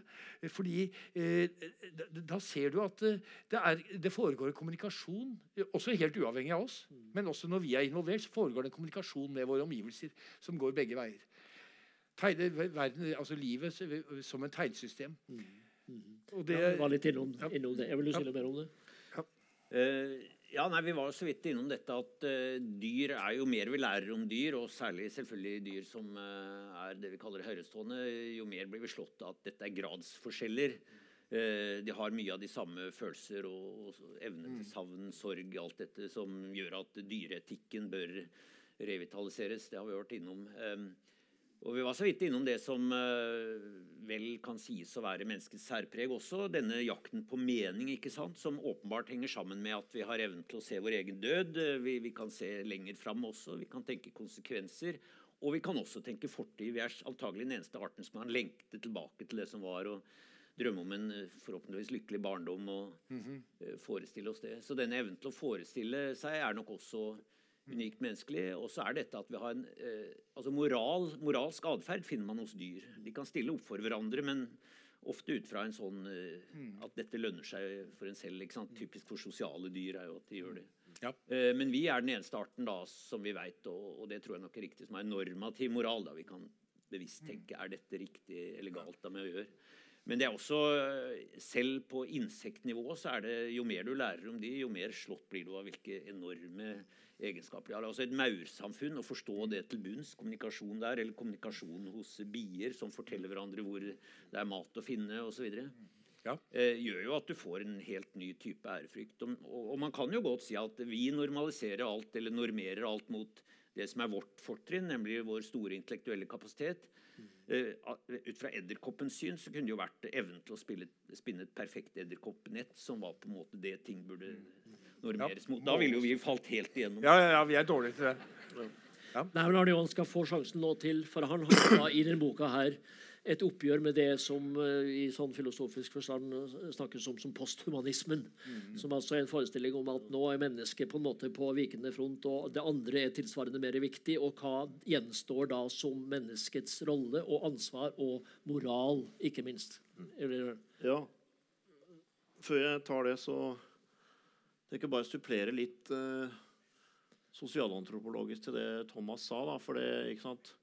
Antropologene har også sett på dette relasjonelle for hos urfolk eller eldre kosmologier som at det gjelder mellom mennesker. Mm. Og som du sa, ikke sant? Så, så, det som er med den uh, animismen som jeg har vært opptatt av, det er jo at man kan si det er en uh, subjektorientert kosmologi. Mens vi i det Vesten har en objektorientert. Mm. Altså Vi spør hva er den entiteten, hva er det objektet, hvilke egenskaper har den i seg selv, mm. til forskjell fra å spørre en hvem. Ikke sant? Yes. Mm. Hvem? Ja, og Da er du med en gang inne i en, en utveksling og en form for gjensidighet. Mm. Yep. Og du må tilpasse deg at den andre er annerledes. Uh, og Hvis vi skal knytte litt an før jeg kommer til det moralske, Per Bjørn, til dette store bildet vi begynte med Dag og jeg i stad, ikke sant? med i naturen med naturtap og økosystemer under press osv., så, videre, så er jo noe av relevansen jeg har sett med å gå inn i urfolk Ikke nødvendigvis sånn naivt spurt hva kan vi lære av urfolk eh, med tanke på om vi kan kopiere noe eller adoptere noe mer eller mindre én til én eller direkte, vi som bor i Norge i dag. ikke sant? Jeg har ikke stilt spørsmålet så naivt, men, men hvis jeg skal si det først litt akademisk, så er det jo noe med at det er et forhold mellom biodiversitet på den ene siden og kulturell diversitet på den andre siden. Mm. Ja, Og det er jo forskjellighet, ikke sant? Så det er urfolk i den grad de fremdeles består noenlunde intakt. Det er nå ikke sant, few and far between. Eh, men det er jo noe med å også da ha kunnskaper, ferdigheter og veldig mye sansemessig, veldig mye kroppslig knyttet til ikke sant, Vi kan da si en, en tilpasning til den naturen og de omgivelsene de er i akkurat der de er. Og den er jo da partikulær. Og det er jo også skal vi si, eh, litt sånn arrogant vestlig en innvending mot at det er virkelig det vi vil kalle kunnskap i streng forstand, eller vitenskapelig. Mm. Fordi at den er knyttet til noe som er akkurat der, og hva det er i sin særegenhet. Mm. Ikke sant? Vi har siden Platon begrepet om episteme, og kunnskapen skal være universell. Den skal være lik i gyldighet og lik for alle, enten det er subjekt eller objekt eller tid og stød. Alt det er utskiftbart. Mm. Ja, Eh, så dette er jo også knyttet til det, det kroppslige, da, som vi langt på vei har tapt. Eh, det jeg har snakket om tidligere, at vi ikke har førstehånds erfaringer osv. Det betyr jo også at mange av våre evner som mennesker nå ligger jo veldig brakk. Vi er veldig monokulturelle og vi er veldig sånn ensporede i hvilke evner og så videre som vi bruker. Nå er det veldig mye det visuelle, men hvilken bruk har vi egentlig av ikke sant? hørsel eller lukt eller alt dette andre? Eh, ikke sant? Så det, det, er også en sånn fattigdom og impoverishment da, erfaringsmessig for oss mennesker som ligger i dette. Ja, Og så er det da spørsmålet om eh, i hvilken grad mennesket, når alt dette er sagt, ikke sant, er særegent, og særlig med henblikk på moral. Og en del av min kritikk av i hvert fall enkelte versjoner i dag av det som kalles posthumanisme, som jo er ganske i tiden i samfunnsfag og humaniora, eh, er jo at man kaster på en måte barnet ut med badevannet. Altså det, det, er noe med at det er en forståelig iver, kan vi si, et etter å påpeke at det er aktører ikke sant? Eh, det er evner av førstehånds ikke sant? betydning og the intelligence of plants. Ikke sant? Altså man, man, brer liksom egenskaper som vi kun har forbeholdt oss selv, uh, ut til alle mulige slags andre skapninger. Og så er spørsmålet hvor langt ut kan du liksom Panpsykismen er bevissthet og evne til erfaring eh, over det hele. Krysser til og med mind og matter. Og, ikke sant? Pan betyr alt. Eh, jeg vil da gå inn for en mye mer moderat utgave av det, men allikevel ikke sant, innenfor det organiske og andre levende skapninger med evne til erfaring, og sånn som jeg har snakket om uh, tidligere. Så er jo da spørsmålet blir det noe igjen som er skal vi si, den, den, oppgaven eller fordringen som vi mennesker, med de egenskaper som vi da enten er alene om, eller kanskje ikke som egenskaper er alene om, men i hvert fall har i en mer avansert utgave enn til og med de andre mest høyerestående eh, pattedyrene. ikke sant? Ja. Sjimpansene til Jane Goodall eller hva det måtte være.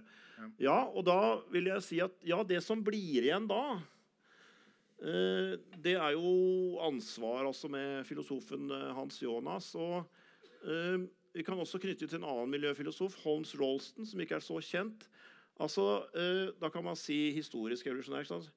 Mennesket er en ganske nylig skapning. Vi er kommet ganske sent inn, liksom har entret forløpet. Etter at veldig mange andre arter og livsformer og så har bygget seg, så kommer vi inn.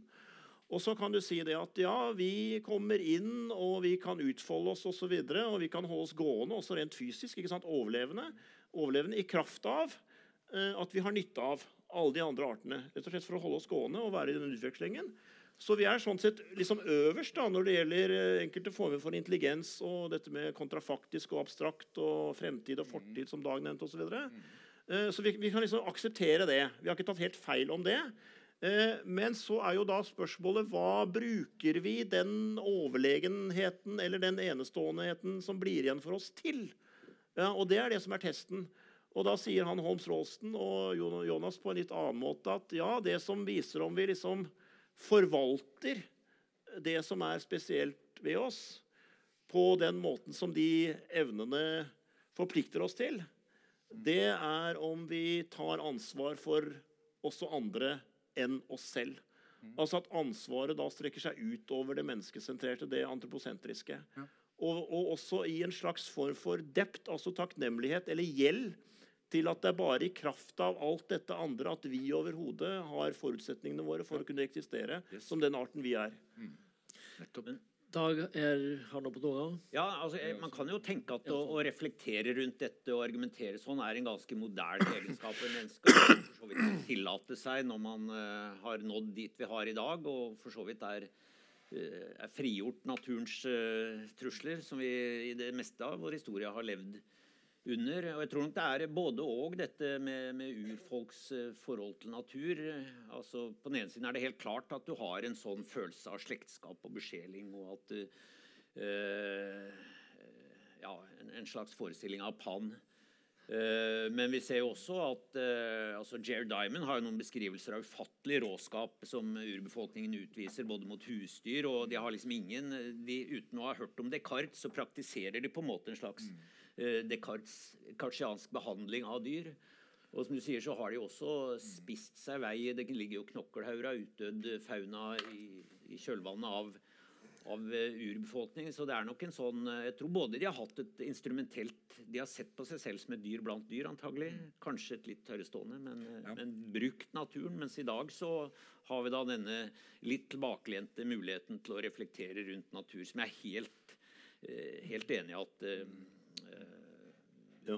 Kan jeg si litt om det før Thomas Ja, Og- og- ja, vi, Thomas først. Han kom 16. ja, kanskje det. Kanskje. Ja, jeg, altså jeg har også bare lyst til å kommentere litt uh, diskusjonen her. Altså, ehm, det er noe her med det lokale og det universelle. Ikke sant? Kan sannheten være lokal? Kan være lokalt forankret? Altså I skriftløse samfunn eh, er det ofte sånn at gudene de er lokale. Altså. De har ikke så mye kraft utenfor sitt område. Det var en stor diskusjon da det var en kar som, en fra Niger som døde i Paris, om hvorvidt hekseriet hek, altså For det var åpenbart at det var en, noen som hadde drevet hekseriet, svart magi på han. da. Og åpenbart at det var derfor han døde. Og de var i Niger. Om den kunne reise så langt.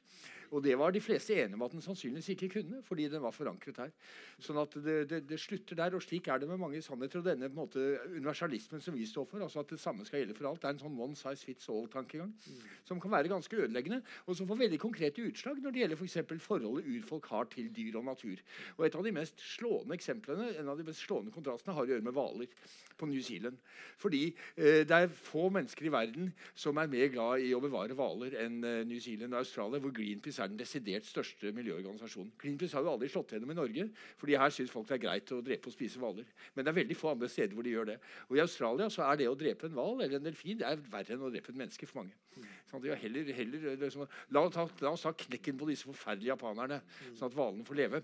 Eh, og maoriene har tradisjonelt drept hvaler. ikke sant? Eh, og de flenser dem på stranden. Noen av dem er strandede hvaler som kommer eh, og dør av seg selv, og noen av dem har de jaktet på. Og Det er jo livsfarlig selvfølgelig, og risikabelt. Det blir veldig mye mat og veldig mye kjøtt. Poenget er at de takker hvalen etterpå, akkurat som inuittene takker hvalrossen. For, at, for, for å ha gitt dem muligheten til å lage ting av elfenben, spise kjøttet, bruke pelsen osv. Altså at det er en, eh, en, en, en åndelig dimensjon som er helt borte f.eks. i den industrielle kyllingproduksjonen. Da, for å ta det motsatte. Eh, ikke sant? Eh, og, og da er vi inne på noe av det Arne Johan også sirkler rundt, som har å gjøre med fremmedgjøring. Altså, men Greenpeace i New Zealand skjønner jo ingenting av det. De det er forferdelig at disse barbarene driver og dreper og spiser hvaler fordi de befinner seg i denne andre virkeligheten. Jeg syns etter hvert også at vi skal snakke om antroposen, men det kan vi godt vente med. Ja, det Det har vi gjort, så. Det har vi Dere gjort. har det, ja. helt ferdig med det. Ja, ja. Ikke noe mer å si. Nei vel, er ok, men da øh, Nei, men eh, du må kanskje få en slags eh, henstand du da, som kommer sent. Har du vel noe helt bestemt og viktig å si om antroposen? Bare én setning. og Det Ja, er, det, igjen, og det er i tilknytning til det det resonnementet Arne Johan var i gang med. Så, og det er at det er en dobbelthet her. Fordi antroposen på en og samme tid forteller også at vi mennesker er unike. For det er vi som ødelegger verden. Det er det ingen andre arter som gjør. Og at vi er en del av alt liv. En integrert del av alt liv. Så det er en sånn dobbelthet der som vi må kunne bruke til noe. Det var skikkelig sånn uh, Det var én setning, det. punch, Det er sjelden, altså. Én setning. ja. En setning er sjelden. det var relativt lang, da. Ja, det, det var Kan jeg, kan jeg si dette nå, som jeg skal si? Jeg er nesten i tvil om det, men uh, du får få Det prøve. jeg har sagt så langt, er det jeg ikke skulle si. Nå skal jeg si det jeg skal si. Husker du hva du skulle si? Ja, Ja. alltid. Altså, Jeg vet ikke om vi har noen reell uenighet, Dag, men ikke sant? det ble jo nevnt Jared Diamond, og det er mange som har lest uh, Kollapsboken, som er oversatt til norsk, og er en bestselger. Så, så jeg syns det er noe med at vi er veldig ivrige, og det er en selektivitet i det, til å peke på at uh, tidligere tider og urfolk og de og de kosmologiene som er veldig forskjellige fra våre osv., der har de søren meg også tatt ut alt. De har satt avtrykk, de har overforbrukt, de har ikke vist noe klokskap og tenkt i syv generasjoner fremover osv. Eh, og det er ofte noe som sies veldig sånn før noen egentlig har hevdet han nær sagt noe annet, eller sånn, så, så vil vi ha slått fast dette ja, vel i en slags sånn realisme, da, ikke sant? Fordi at vi skal ikke da ha noen illusjoner om at uh, de var så annerledes, eller uh, Ja, OK. Eh, og da tenker jeg at det er ikke sikkert at det er eh, regelen. Det kan være Jeg er ikke ekspert på det, ikke sant? Eh, hvor representativt det er. Men jeg, jeg er mer interessert i om det er noe positivt da, å hente i det. Uh, og det har jo å gjøre med noe vi ikke har nevnt i denne sammenheng nå, altså teknologi. Uh, For da er det jo også noen som spiller det inn i den diskusjonen der. ikke sant? At jo, men det er jo rett og slett fordi at de hadde ikke teknologi som var liksom potent nok, effektiv nok, kraftig nok eh, til å overforbruke på det begrensede området hvor de tok ut noe av naturen. Eh, og det er pga. det at de rett og slett ikke hadde sånn kapasiteten teknologisk til å ta ut mer. Eh, at de da holdt seg på en måte som vi vil si bærekraftig eller i en form for balanse langsiktig så lenge de holdt på der. og, sånn. Det, skjedde aldri at de overtrådte sånn som vi gjør nå. Eh, og da vil jeg jo si, eh, enten fordi jeg er filosof eller hva jeg er, at da, det forskyver egentlig bare spørsmålet bakover, nemlig til å spørre da ja, hvorfor utviklet de ikke en teknologi som vi vil si ville ha vært mye mer effektiv? Altså hvorfor og det må sette anførselstegn, hvor, Hvorfor var de statiske? Og det, ikke sant? Altså De hadde liksom de samme redskapene knyttet til de samme ferdighetene. De eldre lærte til de unge. eh, Sånn og sånn gjør vi dette. Uten tydeligvis noe sånn incitament, som vi vil kalle det, da, for liksom å forbedre. ikke sant? Gjøre at man lettere, med mindre arbeidsinnsats, humankapital, kunne ta ut mer osv. Som vi har veldig rendyrket i, i vår moderne tid. Ja, og Da tenker jeg jo at det har å gjøre med betydningen av kosmologi. Eh, at det er noe som setter en grense for hva du skal ta ut, hvor mye, eller hvor du skal ta det ut. Og også dette med at de, de bedriver jo selvfølgelig jakt. Altså Ingen må jo forstå, for tro ikke sant, at, eh, at vi snakker om kulturer her som uh, tilfredsstiller så å si forestillingene i våre dager til veganere. Eller, ikke sant? De, de driver jo absolutt med Ja. Uh, Men hvordan driver de den jakten? Altså Hvis de er animister, ikke sant? Så er det jo at mennesket er underordnet. Mennesket er den mottakende part. Eh, De som bedriver jakten og skal lykkes med å få ut, de må bare ta de riktige, det riktige antallet. Og det er en masse sånne regler og ritualer ikke sant? Som, som skal sørge for at det ikke blir noen overskridelse fra mennesket eh, overfor dette. Ja, så, og Det med teknologi det er jo også Man kunne tenke ja, vi kunne kanskje ha tatt ut mer hvis vi gjorde sånn og sånn i form av det vi ville kalle en forbedring. Men vi bestemmer oss for å la være. Ja. Og jeg tenker at det er en, en form for innsikt i også å, å, å ha en sånn selvbegrensning da, Ja. på det som vi langt på vei har naturalisert. Ikke sant? At det er naturlig for mennesket å ekspandere. Det er naturlig for hver ny generasjon å liksom forsterke mulighetene og redskapene for å ta ut mer. Ja, det er kan vi si, en slags ideologi. da, En slags naturalisering. Ja. Ja. ja. kommentar fra Dag, og så skal vi skifte litt Ja, jeg vil tema. Ja, ja, begge, begge. begge. Ehm, ja, jeg husker jeg, jeg tror det er både og, altså. Og jeg tror det kommer an på der også. Jeg, jeg diskuterte med Helge Ingstad en gang. Han levde jo blant villreineterne, og om han hadde sett en type sånn uh, dyp økologisk eh, følelse med natur. Og han sa at han mente ikke det. Han observerte at eh, når disse villreineterne, altså disse indianerstammene, kom over store mengder villrein, så slakta de ned absolutt alt de kunne, og så skar de ut tungene og spiste det, og lot resten ligge og råtne. Men som du sier, så var det jo den tiden ikke en teknologi som gjorde at de utgjorde noen trussel mot bestanden. Det jeg tror hadde skjedd, var at hvis de da virkelig var i ferd med å overskride bestandens grunnlag, så ville de tatt affære. For det er det mange eksempler på. Nå tar jeg på meg antropologhatten. men Men det er i hvert fall kjent eh, mange eksempler på hvordan man kommer rundt denne allmenningens tragedie i små, lokale samfunn. For der ser man nettopp det at å overskride ressursgrunnlaget eller overhøste, Ja. det er alles ulykke. Og den innsikten tror jeg de har hatt med i, i små, lokale samfunn. Det samme gjaldt i, i dette øysamfunnet som min far kom fra.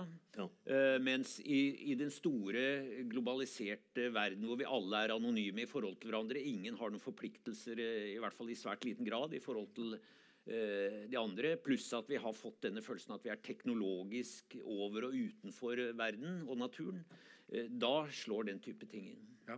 Altså jeg tror, eh, jeg tror dette, dette minner oss jo da om at eh, når man sier urfolk, så er det en sekkebetegnelse for ganske mange Ja. forskjellige kulturer. Altså, Som har eh, orientert seg på veldig forskjellige måter, levd veldig forskjellig. Noen har vært omflakkende nomader med veldig mye vilt. Noen har bodd inne i tette skoger hvor de har levd av honning og biller. Diversitet var stikkordet. ikke sant? Ja, ikke sant? Diversitet. Og, og et eksempel fra min Arne Hads studietid fra tidlig 80-tall var en artikkel av den franske antropologen Claude Meyassou som kontrasterte forholdet jordbrukere og jegere og sankere hadde til natur. Fordi For jordbrukere i Afrika så var naturen en fiende. Det var bavianer og elefanter som kom og ødela avlingene. ikke sant? Så de måtte bygge stakitter og beskytte seg mot naturen. Men for jegere og sankere som da bodde inne i Turieskogen i Kongo, så var naturen et subjekt. Fordi de, de var avhengig av den, og de levde i en, en type eh, konstant la oss si, relasjon med naturen. ikke sant? Altså det der De høstet honning, og de jaktet litt, og osv. Så, videre. så da får du en annen holdning. Og du får en annen kosmologi, og du får andre typer guder. Eh, og, og, og så, videre. så, så det er klart, det er jo ikke én det er, ikke, det er ikke sånn one size fits all her.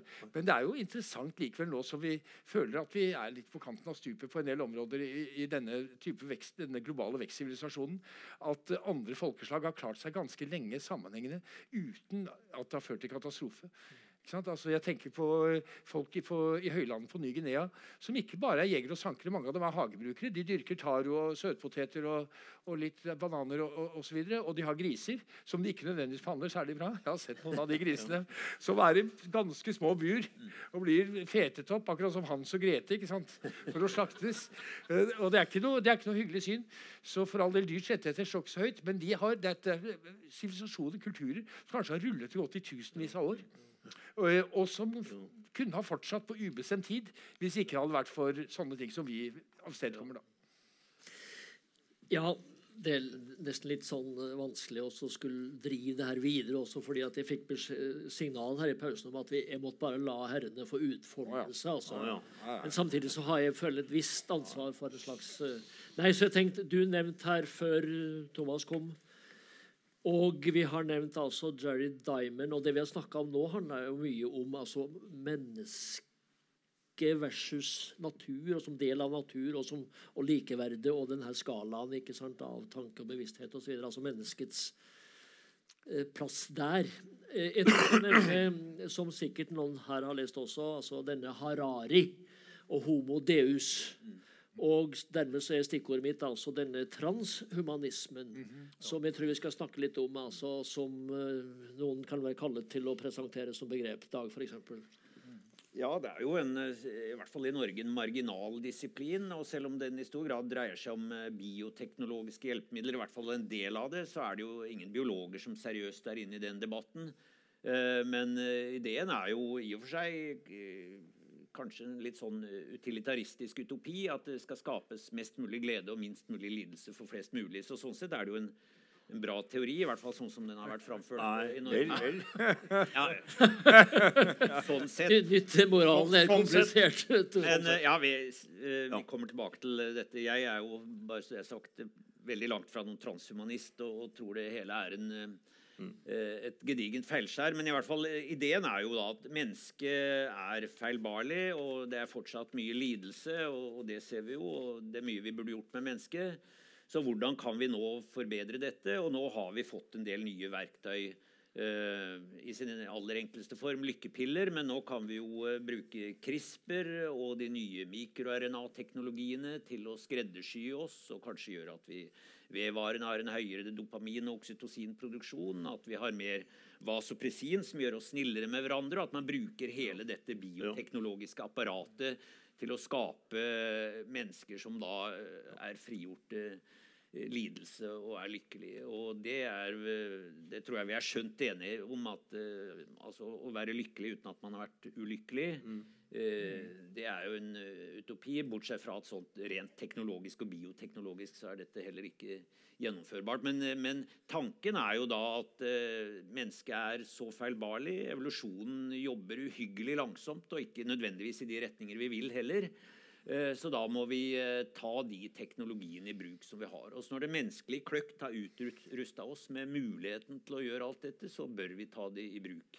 Ja. Eh, Og i sin mest ekstreme eksess så er jo også tanken, som jeg har sett du har hissa det oppover, og jeg også, at vi bør også gå inn for å avskaffe lidelsen i naturen. ikke sant? Det er jo, Ja. dyr, dyr bør ikke spise hverandre. og det er blod- Nei.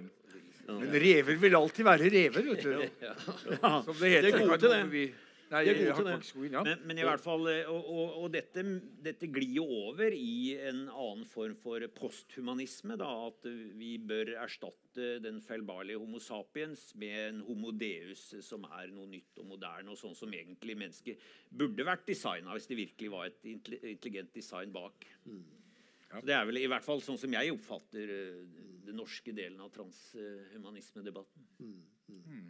Ja, men eh, altså det som gjelder for veldig mye innenfor moderniteten generelt, det er jo tap av fleksibilitet. Altså det, en ting er nå det som Arne Johan snakket om før pausen, at du vet på en måte ikke hva du har hvis du ikke har opplevd å miste det. Da vet du ikke hva du har mistet. For hvis det var dine foreldre eller besteforeldre som mistet, så blir det bare en sånn disig uh, myte om noe som en gang var, og som de sikkert har et nostalgisk forhold til. Fordi du vet ikke hva det var, og så er det for sent. Men eh, også når det gjelder eh, eh, liksom det å være eh, altså, menneske versus maskin? Altså, eh, Det som kjennetegner mennesket altså hvis vi, hvis vi går i retning av en type transhumanisme, så kan vi risikere å miste ganske mye uten egentlig å vite hva som har skjedd, før det er for sent. Så jeg synes dette er ganske skummelt. Og, og hvem, hvem kan fortelle oss hva som er positive egenskaper?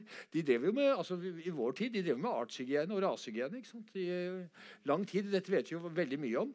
Og det var ikke bare nazister og den ytre høyresiden. altså Sosialdemokrater var også veldig begeistrede tilhengere av artshygiene. Mange sånne Faven socialists i Storbritannia som likte Stalin og, eh, og syntes det var smart å kvitte seg med avskummet og de, og de laverestående. Men eh, Og i Norge òg. Ja, Scharfenberg var i høy grad. Ja, ja, og det var, det var- respektable folk. ikke sant? Det er det som er poenget. Det var ikke, det var ikke lurvete nazister, alle sammen. Det var respektable folk som ville snevre inn da mangfoldet, og, og da i grunnen ta fra oss den fleksibiliteten som, eh, som vi aldri vet når vi ville kunne ha glede av. Og som vi ikke vil vite om vi, altså, før den går tapt. Og da er det for sent. Så det er noe av faren med transhumanismen. At man vet hva, som, hva det vil si å bli et bedre individ. Bedre helse, leve lenger, høyere IQ. Jeg vet ikke helt ja, om jeg har lyst til å leve lenger av bedre helse og høyere IQ. Jeg tror er akkurat passe sånn som det er. Ja, så blir det jo bare nok et knepp på Ja. dette tredemøllet. Hvis alle ja, rykker det. opp dit, Ja. ikke sant, så er det jo like Ja, alle gjør jo ikke det. Det er den ene prosenten. Ja, det er og det. det, er det er det som gir meg også litt frysning. Når jeg leser, ja, når jeg leser Harari, så, så tenker jeg at det er faktisk mm. Nei, men nå skal vi på en måte forlate uh, både biologi og natur og menneskets rolle i den sammenhengen. Så tenkte jeg at jeg har spart noe da til, til Thomas også det, noen betraktninger om vår kultur. Altså det dagens kulturbilde hos oss i Norge. Og da tenker jeg mm, Du har jo Du var jo lenge liksom den som i norsk sammenheng vært oppfatta som å skulle fronte en slags happy innvandring og, og over til multikulturalismen i dag osv. Og, og eh, det, det er jo på den ene sida så, så riktig og så vakkert og fint osv. Og, så og samtidig så er det altså noen sånne problem knytta til det. Så jeg spør deg nå også om du har ja, Har det skjedd noe også i din tenkning? Av og til får inntrykk av at det kanskje har skjedd et eller annet i din tenkning underveis her. Jeg håper da virkelig det. Ja, ja. Vært, noe annet ville vært leit. Eh, Men eh, jeg vil fremdeles mene at eh, biologisk diversitet eller mangfold og kulturell mangfold diversitet er to sider av samme sak. Og de handler om veldig mye av det samme. For de handler om komplementaritet. Altså det at vi er forskjellige, er ikke en trussel, men tvert imot en kilde til berikelse. Vi utfyller hverandre. Vi har ulike roller, ulike nisjer innenfor et økosystem. Og, og det gjelder også for det kulturelle. Men det er klart at når man stryker dette her mot hårene, noe som blir gjort hele tiden, så skaper det antagonisme. ikke sant? Skaper mistenksomhet. Eh, og, det, og det har jo i økende grad skjedd de siste 20 årene. Så dette var jo eh, altså en, en, en måte å tenke på om eh, identitet som var uproblematisk på 1990-tallet. Da ble vi bare betraktet som naive. Men som ble veldig problematisk utover på 2000-tallet, når vi i økende grad ble betraktet som forrædere. For ved å si de nøyaktig samme tingene. Om at vi må finne måter å leve sammen på. Fordi nå har vi en krympende verden, og vi møtes eh, på alle gatehjørner, og, og vi skal leve sammen. Og vi må finne måter å gjøre det på. Og det betyr ikke at jeg må like islam, eller altså at jeg må tro på eh, Muhammed. Poenget er bare at jeg skal lære meg å leve sammen med folk som gjør det. Og det er noe annet. Altså Det er det som eh, min tidligere doktorand eh, så vakkert uttrykker, som uenighetsfellesskap. Altså Det er, det er i hvert fall et steg, et steg i, i den retning. da, Et uenighetsfellesskap. Hvor det du har felles, er en enighet om eh, noen grunnleggende ting. Men du kan mene forskjellig innenfor dette feltet. Og det som er viktig nå, det er jo at vi bestemmer oss for hva det er viktig å være uenige om. Altså Jeg frykter jo at vi liksom ødelegger hele planeten, og at vi lar på en måte, Kina kjøpe opp hele Afrika og gjøre det til en stor gruve og, og fabrikk, mens vi har brukt hele vår intellektuelle energi på å diskutere for og mot hijaber. Ja. Og så våkner vi en morgen og oppdager at dægeren, kanskje vi skulle vært opptatt av litt andre ting i stedet. så, Ja. Nei, Ofte så blir jo, blir jo multikulturalismen og hele den pakka der stilt opp imot altså nasjon, ikke sant? Og, og eh, så sånn sett så eh, Og jeg, jeg nevner jo bare sånn i forbifarten, altså Terje Tvedt. ja. Hva mener vi om Terje Tvedt? Nei, Jeg mener ikke så veldig mye om han. Jeg, Nei. Eh, jeg lærer for det, men jeg, jeg, jeg tror, tror ikke jeg mener så veldig mye om han. Altså, han er blitt tatt med buksene nede veldig mange ganger i den uh, boken sin om Norge. da. Ja. Og jeg tror ikke vi skal liksom, gjenta Nei da, nei da. Nei. Uh, Men, eh, men det er klart, altså, her, her, for, her foregår det en, en kulturkamp, og vi kan si det veldig enkelt. Og, som at, altså, man kan forenkle litt og, og si at det er, det er to hovedperspektiver på verden. Um, og, og du ser det veldig tydelig i den kampen som pågår innenfor kristendommen. Mm. Hvor den ene retningen betrakter kristendommen som en veldig sterk type identitet som er måte, antagonistisk til andre identiteter som ikke er kristne, og de må derfor bekjempes. Og den andre eh, ser på kristendommen som en kilde til nestekjærlighet og universell humanisme. Og da får du helt ulike resultater. Eh, og du ser noe av det samme innenfor politikken, eh, hvor man har eh, ja, du kan si to eh, hovedstrømninger. Og det er ikke uproblematisk. Det er ikke sånn at den sånn ene har alltid rett. Altså, det er ikke sånn at røttene alltid eh, har feil og føt, føttene har rett. for å si det sånn. På ingen måte. Men man kan få tilhørighet til steder ved å gå inn i og engasjere seg i det som er lokalt, det som er nært. ikke sant? Uh, gå turer. Eh, jeg snakket i fjor med den engelske kulturforskeren Paul Gilroy, som har vært en veldig, leden, veldig viktig stemme. Han fikk Holberg- Holbergprisen. Veldig viktig stemme i kampen mot rasisme. Og han har blitt veldig opptatt av natur. Han går mye turer. Han, var, han dro opp til Nord-Norge og håpet å se liksom, som, som fjell og, og liksom, Isbjørn. ja, sånne ting. Han, han trodde ikke på det, da. Han var ikke så fjern. Men, eh, men eh, han dro til Nord-Norge, for der var det mye av den naturen. Han var opptatt av dette med det nære. Og vi kan tenke på det som urbant også. altså Det er noe som kommer nå også. vet du, Urban gardening, altså det å dyrke mat i byer. eh, at man prøver å sant, nærme seg en slik forståelse. Og, og Gilroy var veldig opptatt av nettopp det at vi skal være, at vi skal ha en nærhet, en fysisk, sanselig nærhet til våre omgivelser. Og det er det som gir oss tilhørighet. Og det kan du få selv om du ikke er født der. Det er ikke, ikke sant? Det er ikke ved hvor du er født, men det er hva du gjør med det. Med, med det stedet du er. Det så ut som at du hadde noe å si. Nei. Nei ja, for, Jo, men det- um, det er jo noen interessante paralleller for øvrig som du var inne på siden du sa biologisk mangfold og kulturelt mangfold. Vi har jo denne debatten om innvandrende arter, ikke sant? Ja. Eh, som vi kaller fremmede arter, og som er svartelista, og som eh, vi ikke vil ha. Og det er klart Noen av de vil eh, åpenbart berike norsk flora og fauna, mens, eh, mens det er likevel fremmede arter. Så du ser noen sånne Yes. som ikke bare er helt overfladiske paralleller. Nei, det er interessant. Noen er de norske gode artene, og de vil vi ha her. Men så kommer det selvfølgelig en del arter som åpenbart er ødeleggende da, for flora og fauna. Mm, Og brunsneglen er vel ikke noen sånn berikelse, uansett hvor raust man eh, ser på Så er det jo en, en annen biologisk eh, idé rundt dette, at vi har en iboende fremmedfrykt. At eh, vi, eh, vi assosierer oss med de som ser ut som oss. Eh, mens de som eh, er, eh, har mørk hudfarge eller ser annerledes ut, der har vi en iboende, så å si evolvert eh, frykt. Mens det, det er mye som eh, ikke underbygger dette. altså De største konfliktene har man ofte mellom folkeslag som ikke bare ser like ut, men som er genetisk nesten identiske også. Eh, men de finner en eller annen ting å være uenige om. Nei, det er ikke bare det, men De kjemper om de samme ressursene. Ja, Altså det er jo det, de, de konkurrerer på de samme markedene. Mens ulike typer folkeslag de kan, de kan kanskje finne forskjellige nisjer. Noe som har vært tilfellet i veldig mange kulturelt sammensatte samfunn tidligere. Men moderniteten den skjærer liksom alle over én kamp, og den gjør alle like. og gjør at vi alle skal konkurrere på samme marked. Og da får du friksjoner altså på, en annen måte enn det man gjorde tidligere. og Det er også en biologisk parallell. altså Den sterkeste konkurransen i, i, og den kanskje viktigste for evolusjon er jo innen arten. altså Den intraspesifikke konkurransen. Nettopp fordi der slåss man om nøyaktig de samme ressursene. Det er de samme partnerne man ønsker å få osv. Men Men, det er jo, men eh, jeg tror en viktig bit av dette er jo eh, altså Noe av det vi med god grunn er glad for og har fått til med litt flaks og kanskje litt vett her i landet, er jo den nordiske modellen og dette norske likhet og denne ja, som Harald Eia nå har en bra serie Ja, med ja, skjønn. nettopp, altså. Får fram alt det som eh, vi med litt hell og, og litt flinkhet kanskje har lykkes i. Så eh, det essensielle tror jeg er eh, eh, ikke nødvendigvis etnisitet og hudfarge, men at man har en, et, et minimum av fellesskapsfølelse. Men, ja, men, det er jo, ja, men det, er, det er jo tveget det der. fordi altså, Noe av det som kjennetegner den delen av verden, er jo protestantismen. altså Selv om ikke folk nødvendigvis går i kirken eller tror på Gud, og sånt, så er vi jo kulturelle protestanter. Så vi er individer. og Derfor har vi litt vanskeligheter med å forholde oss til f.eks. natur. Og, og jeg, jeg tenker ofte på altså, Vest-Afrika, altså steder i Vest-Afrika hvor de folk ikke har strøm, de lever fra hånd til munn. De driver med det vi i antropologi av og til kaller improvisational survivalism.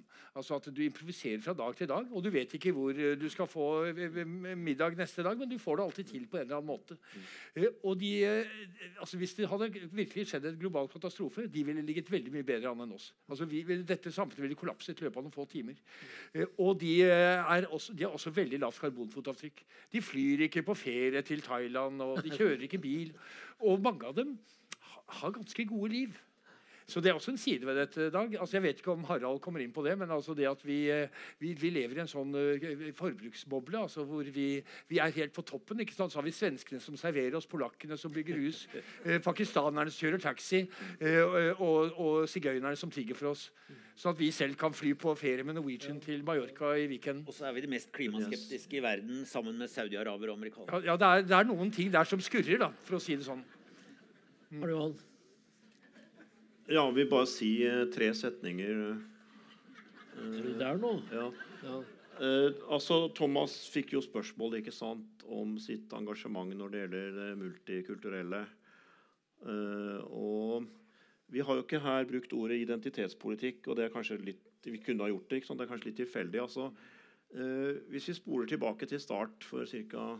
tre timer siden du ser på klokka. Nei, to. Altså, ikke sant, vi, vi begynte før du kom, Thomas, Ja. med Naturpanelets rapport, ikke sant, som Dag ga et referat av. Og det som jeg tenkte på nå, er koblingen til multikulti og identitetspolitikk. Det er jo at altså En ting er historisk, så har disse endringene vi nå snakker om i form av klimaendringer, temperaturøkning, naturtap, ikke sant, habitetstap, tapt biodiversitet, artsutryddelse osv., har gått veldig fort.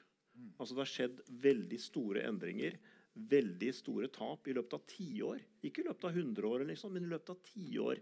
Det er én ting. Og da kan du spørre, hvis jeg er over på det politiske, og det er vi, ikke sant Altså, Det er jo det engelske uttrykket 'barking up, barking up the wrong tree'. ikke sant? Altså, Du sa det at vi, vi har snakket og vi har krangla om, om, hijab.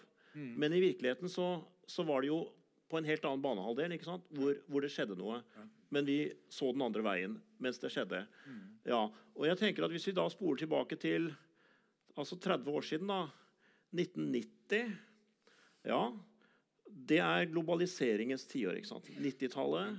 Du hadde Clinton, du hadde Blair ikke sant? Du hadde alle Internett, ja, ja, Optimisme. Mm. Optimisme og, og, en, og, en, god modell med økt velstand og velferd eh, globaliserte seg. ikke sant? Ble alminnelig nye steder, alle kontinenter osv. Opp og frem. Og så ikke noe annet enn fremgang langs den modellen. Og nå er vi jo på en veldig sånn blåmandag. ikke sant? Oppvåkning. Eh, og ja, identitetspolitikk har jo på mange måter ikke sant, eh, blitt hijacked, eller har hijacked. ikke sant? Veldig mye av den politiske diskusjonen, og også da uenigheten og, og agendaen, og hva som er viktig å være uenig om. Og, ikke sant? Ja, og det, det tenker jeg nå i, i bakspeilet, disse 30 årene, at uh, på mange måter så er det et sånt ektefødt barn av den globaliseringsoptimismen. Ja. At man så å si kunne tillate seg å prioritere dette med hvordan skal vi leve sammen. Det er ikke at det ikke har vært viktig spørsmål, det er et genuint viktig spørsmål, ja. men man kunne prioritere det. Og alle liksom i humaniora, samfunnsvitenskap og intellektuelle osv. Det var dette det handlet om. Det var her man måtte ta stilling. Og så er det dette med naturen, da. Ikke sant? Som vi våkner altså helt annet. fordi at på en måte så fungerer arbeidsdeling intellektuelt mellom kultur og natur veldig for meg. ikke sant? Så der, Vi har konsentrert oss veldig der, og det er mellommenneskelige relasjoner og det er ulike ikke sant? livsformer, og eh, noen er religiøse og alt dette her. Og det som vel er en grunn til at så mye galt har kunnet skje uten at de har vært tilstrekkelig på langt nær oppmerksom på det, det er jo at både høyre- og venstresiden eh, har hatt sine grunner for å prioritere dette. Ikke sant? Det er jo venstresidens uh, empowerment-tankegang. Mm. Ikke sant? Rettigheter for nye grupper. Opphør av fordommer, stereotypier. Ikke sant? Kvinner eller homofile eller rasemessig. Ta, ta, det ut. ikke sant? Den ene etter den andre. Ja, som har behersket det. Og så har høyresiden respondert på det og frem og tilbake. Mm. Ja, Men i virkeligheten så er det jo biodiversiteten, kunne vi da si. Bare for å sette det opp. Ja. Kultur, natur, ikke sant? Ja, ja. Så, så så mye har kunnet skje. Ja, så mm, hva har vi da egentlig For nå er det snakk om å liksom komme à jour. Og vi har veldig mye å, å ta igjen. også Det er tapte tiår. Helt siden Brundtland har det, det har pekt galt med pilene. Mm. Men også sånn oppmerksomhetsmessig og kunnskapsmessig så har vi innmari mye å ta igjen ja. Tror, helt kort før, før Lars slipper til. Jeg tror Det er helt riktig det han sier, men og det er viktig at vi ser jeg tror det er viktig å se biologisk mangfold og kulturelt mangfold med samme, med samme, blikk. For det handler om mye av det samme.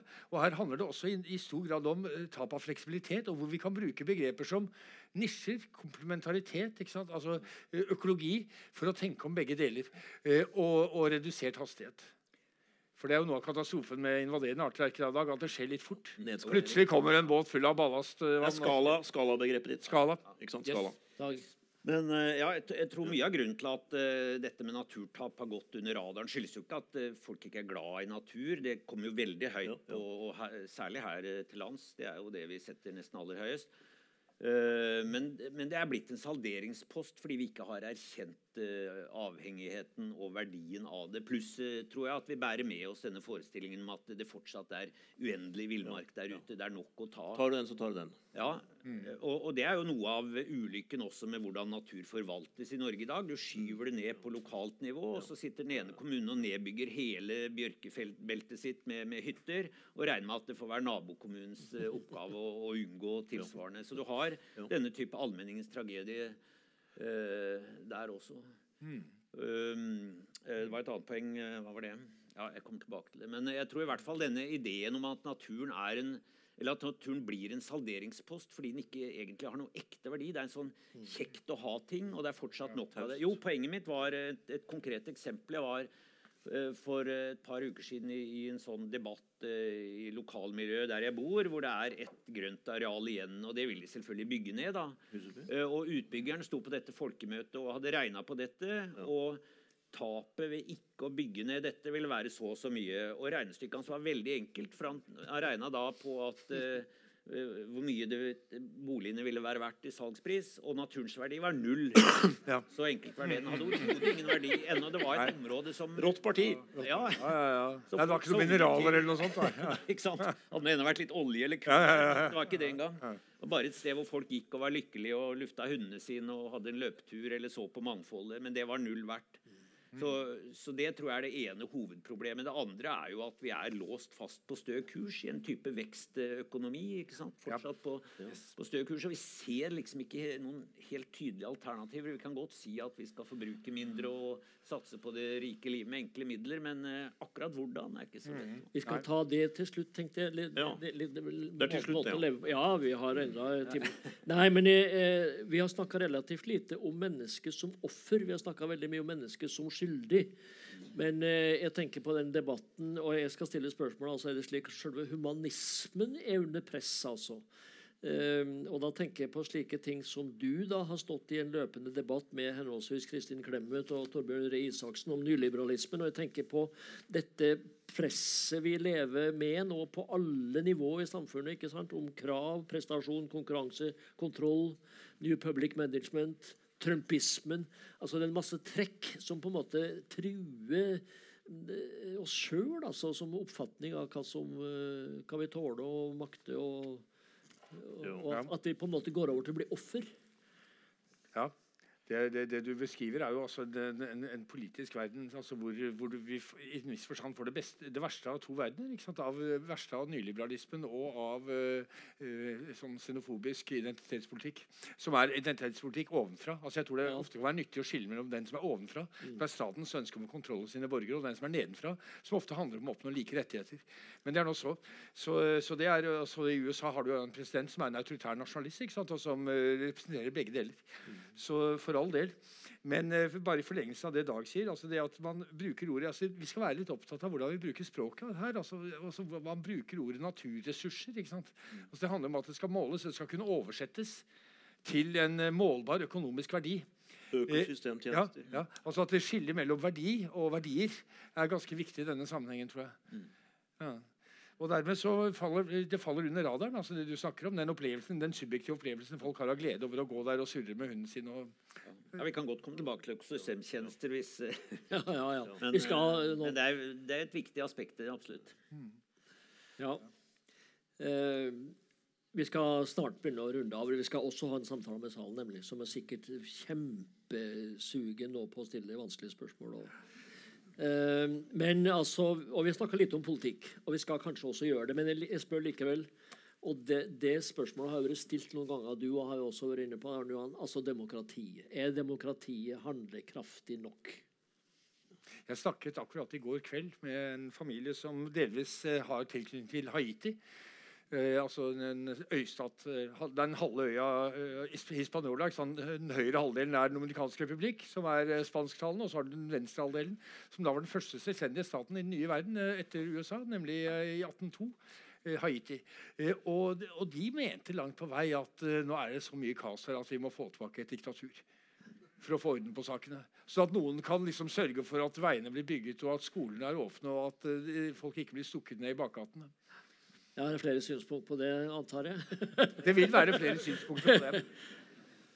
Eh, Nei, men bare i forbindelse med, med altså, Individet er jo viktig i et demokrati eh, også, helt klart. Jeg husker, eh, og jeg har ofte brukt det eksempelet når Jens Stoltenberg var eh, statsminister, så holdt han alltid nyttårstalen sin, og han kom ofte inn på miljøet. Og jeg tror han var genuint opptatt av miljøet og bekymra for det. men han han avslutta nesten alltid med å si for politikere skal jo være notorisk optimistiske. ikke sant? Dette med slapp av, dette vil gå bra. Og så ville han heller ikke gi oss dårlig samvittighet, og han ville ikke være moralist. Så han sa alltid at dette skulle ikke vi velgerne bry oss om, dette var politikernes jobb å ordne opp i. Jeg tror det er en livsfarlig måte, det var sikkert velment, men ja. for det første så fjerner du hele grunnlaget for et demokratisk eh, engasjement, og for det andre så tror jeg at både det å ha et snev av dårlig samvittighet av og til, hvis man åpenbart gjør noe galt, og og også en følelse av ansvar er jo noe av det viktigste vi kan ha. Så eh, jeg tror også det er lagt opp til dette at eh, vel, hvis politikerne skal styre også dette området, og ikke vi skal behøve å bry oss, vel, så eh, er i hvert fall ikke det noe godt incitament for demokratiet. Og så er jo demokratiet som, som ehm, eh, Ja, husker jeg ikke hvem det var. det var i hvert fall en eh, kollega av oss som for et par tiår siden høstet eh, massivt pepper for å peke på demokratiets akilleshæl når det gjaldt eh, miljøet. Wilder. Thomas Wilder, selvfølgelig. ja. Ja, ja. Eh, at eh, ok, det er per definisjon kortsiktig og har alltid et eh, element av opportunisme i seg. Og da er det slett ikke alltid velegnet til å ivareta Og det ser vi jo nå. altså Selv, selv eh, Solberg-regjeringens eh, relativt moderate forsøk på å skru til eh, miljøpolitikken litt, møtes jo da med massivt opprør eh, av eh, eh, folkeopprøret mot klimahysteri eller eh, miljøhysteri. Og tilsvarende som jeg har sett hver gang bensinprisen har skrudd opp, ikke sant, så får du en enorm motreaksjon. Så Ja, det det er det er, eh, samme som når du setter opp brødprisen i Nord-Afrika. Nei, nei, Nord-Afrika. altså Alle revolusjoner ikke sant, i Nord-Afrika og Midtøsten skyldes at eh, brødprisene går opp. ja, Det er da folk tar til gatene. ja, eller bensin må- i Frankrike. Ja, ja, Det er nettopp bensin, så vi må ta på alvor dette her med altså den umiddelbare erfaringen. Og Det er der vi må prøve å vri diskursen litt i retning av altså spørsmålet om hva det gode liv er. Altså Hva er det du skal bli opprørt over? skal vi dit. Når skal du bli opprørt? Når er det legitimt og meningsfylt å bli opprørt? Er det når bensinprisen går opp? Eller er det når du opplever at uh, naturen rundt deg forandrer seg på, uh, på helt irreversible måter uten at noen spurte deg om din mening på forhånd? Plutselig er elva lagt i rør, plutselig står alle trærne på geledd. Plutselig er det bare to treslag der det tidligere var flere hundre. Og alle sangfuglene er borte. Ikke sant? Altså, det er den, kanskje det er den type ting vi, bør- vi bør bli litt mer opprørt over i fremtiden. Og ikke så mye bensinprisene og brødprisene. Siden Dag nevnte nyttårstalene til eh, Jens Stoltenberg, så ble jeg minnet på at jeg har vært i diskusjon med Stoltenberg en gang, og det var mens han var statsminister. og Da benyttet jeg anledningen til å si at eh, det som ansvarlige politikere i maktposisjon nå omsider må gjøre, eh, det er å snakke om nødvendigheten av å redusere levestandarden for befolkningen i et land som Norge. Eh, Det er det som må til. Eh, Alt annet er snikksnakk. Så jeg var spent på hva han ville svare. Ja, Ja, så ja, dette, dette er sikkert uh, velment. Jeg vil advare på det sterkeste mot å høre på det Vetlesen nå har sagt. Det vil være en dødslinje for miljøbevegelsen eller politiske partier som eventuelt prøver på å gå til valg på noe slikt. Og da er jo svaret til det tilsvaret at det vet du ingenting om, for det har du og dine kolleger aldri prøvd. Ja, eh, Men det jeg har lyst til å bruke dette som en bro til, eh, det er jo Thunberg. Vi, vi kommer til denne, Per Bjørn, så nå, nå, tar vi, nå begynner vi litt der. Nå, nå slår vi bare For det er, det er jo slik at du har stilt spørsmål om eh, kan demokratiet greie denne jobben. Eh, og da bør vi jo helst svare ja snarere enn nei. Eh, men jeg, jeg vil knytte det spørsmålet til generasjon. Ja, og selvfølgelig med fare for å generalisere veldig ut fra akkurat de unge som er i klimastreiker osv., som ikke er eh, selvfølgelig hele den årgangen, men det er noen av dem. Og det er noe som har skjedd, som er en endring, og den har skjedd, apropos det jeg sa i stad, på veldig kort tid. Altså det er annerledes nå enn det var før Greta Thunberg satte seg ned 21.8.2018. ikke sant? Det er annerledes nå i løpet av halvannet år, og det er kort tid. Hva er det som er annerledes? Jo, det er f.eks. en kontrast til hvordan det var før, som vi blir minnet på når dette spørsmålet om demokrati stilles. For det, man kan tenke seg at uh, vi kan dele det spørsmålet om uh, demokratiets egnethet for denne oppgaven i to. Uh, Den ene måten å betrakte det spørsmålet på er kunne vi si, på normativ autopilot. Selvfølgelig er demokratiet det beste. Selvfølgelig må vi bruke det demokratiet vi har, i de landene vi enda har det, og så videre sånn, for alt det er verdt. Også for denne oppgaven. Den andre måten kunne vi si er eh, pragmatisk og empirisk orientert. Og dermed ikke forpliktet normativt på den selvsagte forrangen og ønskverdigheten og egnetheten til demokratiet. Eh, ja, den eh, kan jeg tenke meg å gjøre gjeldende for Thunberg-generasjonen. Eh, på den måten at de vil si at eh, det eneste som det kommer an på, det er å ha et politisk regime som løser denne oppgaven tidsnok, effektivt nok, før endringene, før naturtapene er kommet så langt at vi overhodet ikke har noe sjanse til osv. Slik vi ser for oss vår egen alderdom eller livene for våre barn og barnebarn. Altså fremtiden, kort sagt. Ja. Eh, og da kan man jo stille spørsmålet mer sånn empirisk. ikke sant? Hva har demokratiet levert overfor dette problemkomplekset? eh, så lenge vi har vært oppmerksom på det. Nå har vi jo selvfølgelig sagt masse om at vi har ikke vært tilstrekkelig oppmerksom på det. Vi har kjempet andre kamper, eh, men, ålreit. Ja. Og da kan man jo si at the record is, is, is pretty poor. Men det er jo ikke dermed sagt at den er noe bedre for ikke-demokratiske regimer. Og da må det selvfølgelig sies at i den grad vi nå har en slags renessanse eller ny oppslutning om eh, erklært illiberale, ikke sant? Eh, Orban osv. Uh, i Europa, eller, eller rendyrket nasjonalistisk autoritære regimer, Ja. eh, så er jo ikke det partier og ledere som da vil komme til makten og liksom gjøre det mindre demokratisk enn det var, for å redde kloden, for å snakke Nei. de store Nei. det er jo over, det er en helt annen agenda Ja. som ligger bak både budskapet deres og det som gjør at de nå har blitt populære. ikke sant? Mm. Så Sånn sett så er vi fremdeles i at det er jo i demokratier at vi overhodet også kan stille problemet og være uenige osv. Mm. Eh, Men det er et godt spørsmål hvis du tenker det mer sånn empirisk. fordi at problemet har jo bare vokst og blitt verre. Mm. Også i ikke sant, demokratiske land og i de delene av verden hvor ikke sant? Så, Ja. Så det er jo en veldig sånn bevisbyrde. Da. Altså, vi, må jo, vi må jo bevare det selvfølgelig vis-à-vis alle alternativer, som Churchill sa. Men, men vi må også kunne bevise liksom, for, for de unge da, at det ikke bare, bare er denne autopiloten. Ja. Nå gir jeg ordet til Thomas og Dag for siste gang. Ja, altså det er mange måter å ordne seg på politisk. Ja. Eh, ikke sant? Eh, og er USA et demokrati når man velger to, mellom to veldig rike menn som ligner nokså mye på hverandre hvert fjerde år? Altså de har lokal, Vi må skille mellom ulike nivåer av demokratier, også med demokrati som deltakelse. I, I Tanzania hadde de lenge ettpartisystem, men de hadde flere kandidater innenfor samme parti. Og Grunnen til at de hadde ett parti var at det var viktig å holde landet sammen fordi det var så mangfoldig på så mange forskjellige måter, både religiøst, etnisk og regionalt, og et ungt land osv. Og så ble de da presset av uh, såkalte internasjonale samfunn til å innføre fler, flerpartisystem, noe som umiddelbart førte til dannelsen av etniske partier. Noe som har skjedd i mange afrikanske land. Så det er mange måter å ordne seg på.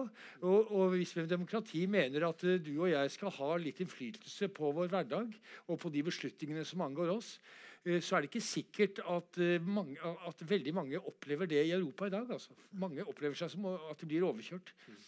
Så kanskje det vi trenger Arnold, kanskje det vi trenger er et eh, liksom, militærkupp av miljøaktivister. Altså.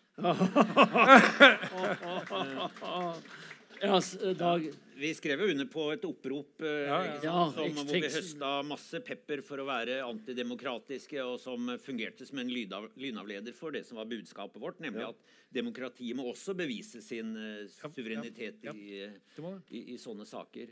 Men uh, vi begynte jo innledningsvis Jeg har skrevet en bok nå om vippepunkter. Og det er jo ikke bare snakk om vippepunkter i klimasystemene eller natursystemene, men også kulturelle vippepunkter. eh, vippepunkter. Og der er jo Greta Thunberg et sånt eksempel som, hvor vi kanskje nå i den ungdomsgenerasjonen står ved et sånt erkjennelsesmessig vippepunkt at eh, ja, det er andre ting som teller.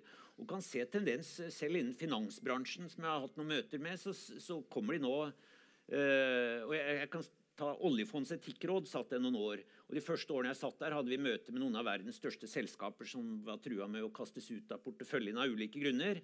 Og Hvis det var klima, så kom de alltid og sa jo, men de var veldig opptatt av klima. Men det var helt åpenbart at dette var bare sånn makiavellisk tale. De hadde skrevet et par pliktskyldige setninger i årsrapporten, så de kunne krysse ut det. Men det var ikke dypfølt i det hele tatt.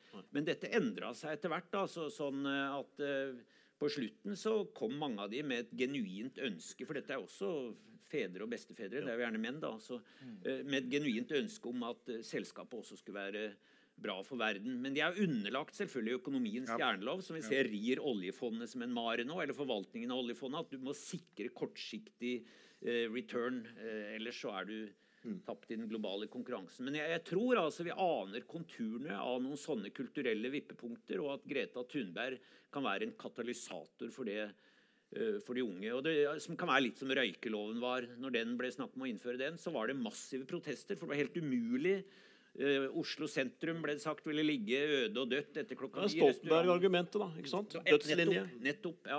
Da møtte man liksom mot den, den er det. harde realiteten, på samme måte som Jonas Gahr Støre har gjort når han har antydet at kanskje vi burde tenke litt nytt om oljefondet. Så ble han slått i hodet med den store virkeligheten. Som Du må ikke antyde. Økonomisk. Nei, men La oss nå ha akkurat det eh, vippe, kulturelle ja, ja, vippepunktet der i.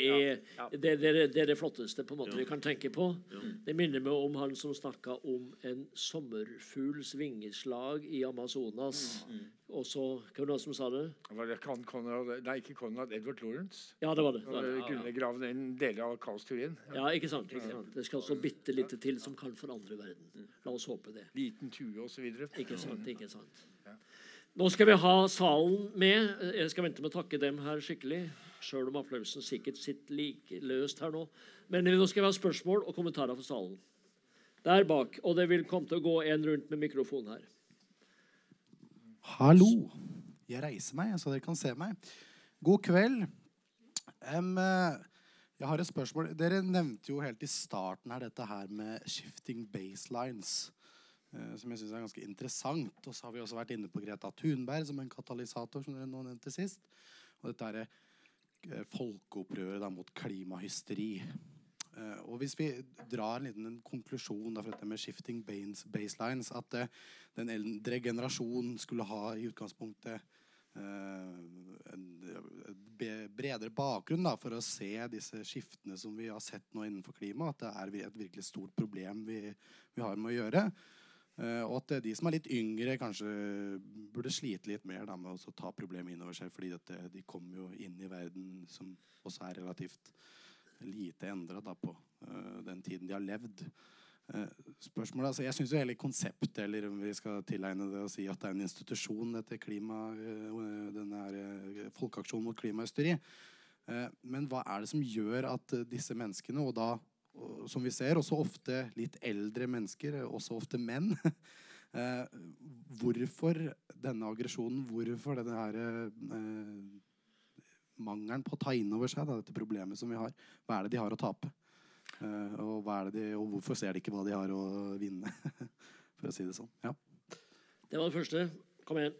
Eh, ja, jeg tror Det er jo ofte eldre menn, og gjerne i ingeniørsegmentet, uten at man skal skjære alle over én kam. Jeg tror det har å gjøre med at eh, de har vært med på å skape den verden som eh, nå har vært en suksess, helt klart. Og, og det har vært stigende kurs så lenge de har levd, og de har bidratt til det. Så jeg tror for noen er det å føle at hele livsgrunnlaget på en måte blir borte, på samme måte som oljearbeidere som går med 'jeg er stolt oljearbeider'. og jeg mener det er ikke noe, Man kan ikke kritisere den enkelte oljearbeider, det blir jo helt feil. Men det er et eller annet at du stilles til rette for noe du har vært med å skape. Og, og det eh, er nok noe av det andre er jo, eh, tror jeg, eh, at for noen kolliderer dette med et livssyn. Jeg har vært i talløse debatter med kreasjonister opp gjennom min karriere. Og, og det er litt av det samme der, at dette passer ikke med deres verdensbilde, så da må det være feil. De, de vil bare ikke vite om det. Og så er det selvfølgelig også et element av at noen mener at det er faglig grunn til å betvile dette. Og for all del, altså. Det er, det er mange ting som er usikkert ved framskrivningen av klima. Det er helt åpenbart. Men de grunnleggende prinsippene, det er first principles og, og fysikk. Og til, til shifting baselines tror jeg det er på en måte generasjonsuavhengig. Og faren ved det er at det skjer så fort. altså eh, Våre barn som har hatt tre år med dårlig skiføre, hvis de har opplevd det, så plutselig er ikke ski eh, noe relevant for dem. Og tap av skiføre i marka vel, spiller ingen rolle, for de har aldri opplevd det. Så Det er nok et uh, universelt fenomen som jeg tror er aldersuavhengig. Og, og bra antagelig i utgangspunktet, men farlig i den settingen vi er nå. Metaforen for det er jo frosken i, i vannet, som alle sikkert kjenner til. Hvis Langsomt blir varmet opp. ja, jeg tror aldri forsøk har vært gjort. I så fall har det vært etisk litt betenkelig. Eh, ja. Angivelig, hvis du varmer opp vannet gradvis eh, til frosken, så sitter den der til den er kokt. Mens hvis det plutselig skifter temperatur til en ubehagelig varme, så hopper den selvfølgelig ut. Eller som Darwin P. Erlandsen sa i sin tid, fornuften er en ensom ting. Ja. Hvor ofte er man ikke alene om å stole på den? Ja. ja. Det var en lenger bak der.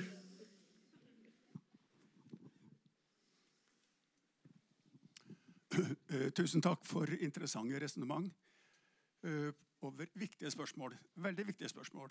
Og da er det et par ting jeg lurer på, som jeg undres over. Eh, Nå har dere diskutert i to timer uten å berøre det økonomiske systemet. Altså Man snakker om det økonomiske systemet i førindustriell tid, men det økonomiske systemet i vår tid det berøres ikke av såpass kloke folk og beleste folk som dere. Og Problemet med det er at kanskje typisk så er fokus på forbruk og fokus på vi i et samfunn hvor 8% eier all kapital, og hvor produksjon styres av produsenten, ikke forbrukeren. Altså Det er produsenten sin drivkraft som forandrer samfunnet. Helt fra den industrielle revolusjonen. Så det er produsenten som har forandra Norge, ikke forbrukeren. Forbrukeren har hengt etter. Og Det er et problem synes jeg, at ikke kloke folk som har stor innflytelse, som dere nå, får fok mer fokus på produksjon. Altså I Norge i dag så opplever vi at norsk industri investerer dobbelt så mye i utlandet som i Norge. CO2-utslipp i Norge har stabilisert seg og går kanskje til og med litt ned. Det skjer i hele Europa, også i USA. Men CO2-utslipp i Asia, hvor norsk kapital har flytta seg, går rett til værs. Som gjør at det globale CO2-utslippet øker kraftig fortsatt. Altså Den mangelen på perspektivet det blir for individ, individorientert og for vi-orientert. Det er min kritikk. Takk. Jeg får si Peder Martin, at jeg hadde nok det der på blokka mi. Eh, og Det er et helt betimelig spørsmål. Og Jeg tenkte også at du ville ta opp den andre dimensjonen, altså miljø og ulikhet. Som jo er en veldig kjent problemstilling. Jeg tenker bare på Naomi Klein, som er en av dem som har fronta det aller mest. Eh, kanskje lå litt i hodet mitt at der vil, Det vil overraske meg veldig mye hvis vi Ja. alle er enige om det han tar opp. Ja, jeg, jeg tenker at det er helt betimelig at dette ble sagt, og vi burde ha brukt en god del av taletiden til å snakke om det, og det holder ikke at det var på blokka. Altså, jeg skrev en bok Nytt klima. ha Tatt ordet, vet du. Jeg kunne ha tatt ordet, jeg. Jeg skrev en bok 'Nytt klima' i 2008, og, og da er jo mottoet for den boken 'Den som snakker om klimakrisen, kan ikke tie om kapitalismen'. Og det mener jeg jo fremdeles. Så, så det er en, en unnlatelse og en unnlatelsessynd at vi ikke har snakket om det. Jeg, jeg har jo også vært opptatt av eh, altså Apropos Kina eller ikke sant, Afrika. Eh, det som skjer i Afrika, er jo også til en viss grad nå i Amazonas ikke sant, og bidrar til naturødeleggelser, eh, økologisk krise i disse landene. Det er jo at kineserne, uten å gjøre de til den ene ikke sant, eller største, store, stygge ulven Men de, eh, de skal jo da betjene ikke sant, dette velstandsnivået som er oppnådd for en så stor del av 1,4 milliarder hjemme med å kjøpe opp og utnytte mineraler og ressurser og palmeolje og you name it ikke sant? i Sør-Amerika og i Afrika i stor stil. Det kjøpes opp og benyttes for det formålet. Så det er, eh, det er underbelyst, Ja. og det er absolutt en, eh, en del av dette bildet. Og så er det jo også god gammeldags eh, altså Dag var inne på det. ikke sant? Eh, Økonomiens jernlov. Ikke sant? Selv velmente uh, investorer og entreprenører og shareholders og ikke sant? alt dette her, her sinnelagsmessig, og de kan være opptatt også for de har Thunberger selv hjemme som er unge og stiller spørsmål med middagsbord og sånn. Men de er forpliktet på ikke sant? Denne logikken. Og så lenge den eh, logikken med kortsiktig inntjening osv., globalisert utgave, går sin gang, så, så har vi ikke noe sjanse til, til å komme til, eh, til roten av de ondene vi har snakket om her. i det hele tatt. Nei. Så det er helt betimelig, det som ble sagt. Helt enig. Og det du, det du sier om eh, si, forskjellen på så å si, land som har lave utslipp og høye utslipp, det kan man snakke om. Men jeg syns egentlig noe som er viktig der, det, er altså, det har å gjøre med kapitalismens iboende logikk, nemlig vekst. Altså at den er avhengig av vekst. Fordi det, det kan ikke gå. Det fins enkle regnestykker for det. Altså Noe av det jeg har forsket på liksom, de siste ti årene, eller så, det er eksponentiell vekst. da. Og det er den veksten du får når du har en eh, jevn vekst med, med renters rente. Så eh, det var en forsker som så nærmere på eh, egypternes eiendeler, antatt eiendeler altså under det fjerde eh, dynastiet. Og, sånt, ikke sant? og så skulle han se hvor, hvor hvis, det, hvis de hadde en vekst på 2-3% i året, 2,5% i året, hvor mange eiendeler ville de da ha ved romertiden, altså da keiser Augustus? Eh, og det ville da være nok eiendeler hvis de hadde 2-3% i året et par tusen år, til å fylle flere solsystemer. Så Hvis du utgangspunkt bare i de eiendelene man antar at egypterne hadde altså eh, 2000 år før vår tidsregning, så, så det kan ikke gå. Eh, Det kan ikke fortsette. Eh, Og grønn vekst er en illusjon. Eh, Og Derfor må vi tenke helt annerledes om økonomien. Og En annen side ved kapitalismen er jo at den er iboende destruktiv. Ikke bare fordi den svir av altså fossilt brennstoff som det har tatt kloden liksom 6 millioner år å skape. det. Så altså det er jo fornybart, men man må være tålmodig, som jeg pleier å si. man må ha god tid, og da kommer det tilbake. Men også fordi den destruerer økosystemer som da blir forandret til det ugjenkjennelige. Gjennom monokultur, gjennom artsutryddelse. Jeg vet ikke om dere var inne på det før jeg kom, men altså, hvis vi ser på pattedyrene i verden, så er det jo nå slik at 4% av dem er ville. 36% er mennesker, og 60% er husdyr. Stort sett uh, kuer og griser. Eh, og det har skjedd fort. Så det var ikke sånn for 50 år siden. 40 år siden. Dag? Eh, ja, eh, selvsagt. Vi har jo pensa inn på dette, men vi har ikke gått i, dybden på det.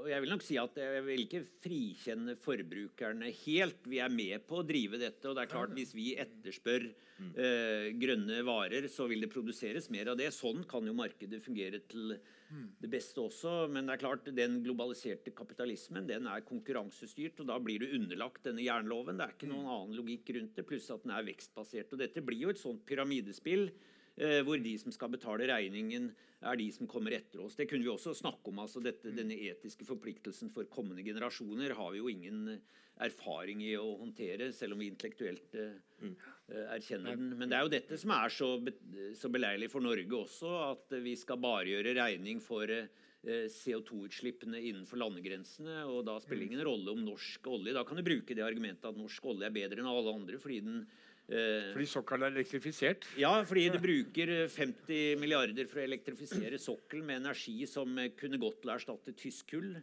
Eh, så eh, Mens poenget er jo at vi har outsourca alle de store utslippene til utlandet og sånn sett eh, kjøper oss fri av det. Så Norge er jo i, i betydelig grad en aktør i denne logikken sammen med kinesere og andre. Og noen av de som er nederst i pyramidespillet, de er jo blant oss allerede nå. Altså, det er folk på Filippinene som mister alt de eier pga. sykloner. Ikke sant? Folk i Bangladesh som ser at uh, de ikke lenger kan dyrke ris fordi det er så mye salt i, i jordsmonnet pga. alle, alle flommene og, og det uforutsigbare regnet. Eh, og folk i Rajasthan som blir drevet inn til storbyene hvor de ender i slummer fordi det er blitt for varmt og tørt til at de kan drive med noe som helst der de kommer fra. Så eh, det skal vi også huske på at noen av de som er taperne, de, de er blant oss allerede nå. Det er ikke bare kommende generasjoner. Skal vi si at vi tok litt av slakken på det betimelige spørsmålet? Vi, vi snakka om vekst, men vi snakka ikke om årsakene og verken på produksjons- eller forbrukssida. Og vi snakka ikke om ulikhet nok. Så det der har vi de sosiale og, kla og litt klasserelaterte perspektivene. Og et, et bitte lite poeng i, i forbindelse med det, som jeg alltid blir minna om av en kollega av meg som, eh, som jobber i India. ikke sant? At vi, vi har dette perspektivet. Vi kan selvfølgelig med rette si at vi bør redusere vårt forbruk. Uh, mens eh, for en uh, gjennomsnittlig inder så er det en absurd uh, forventning. forventning. Selvfølgelig.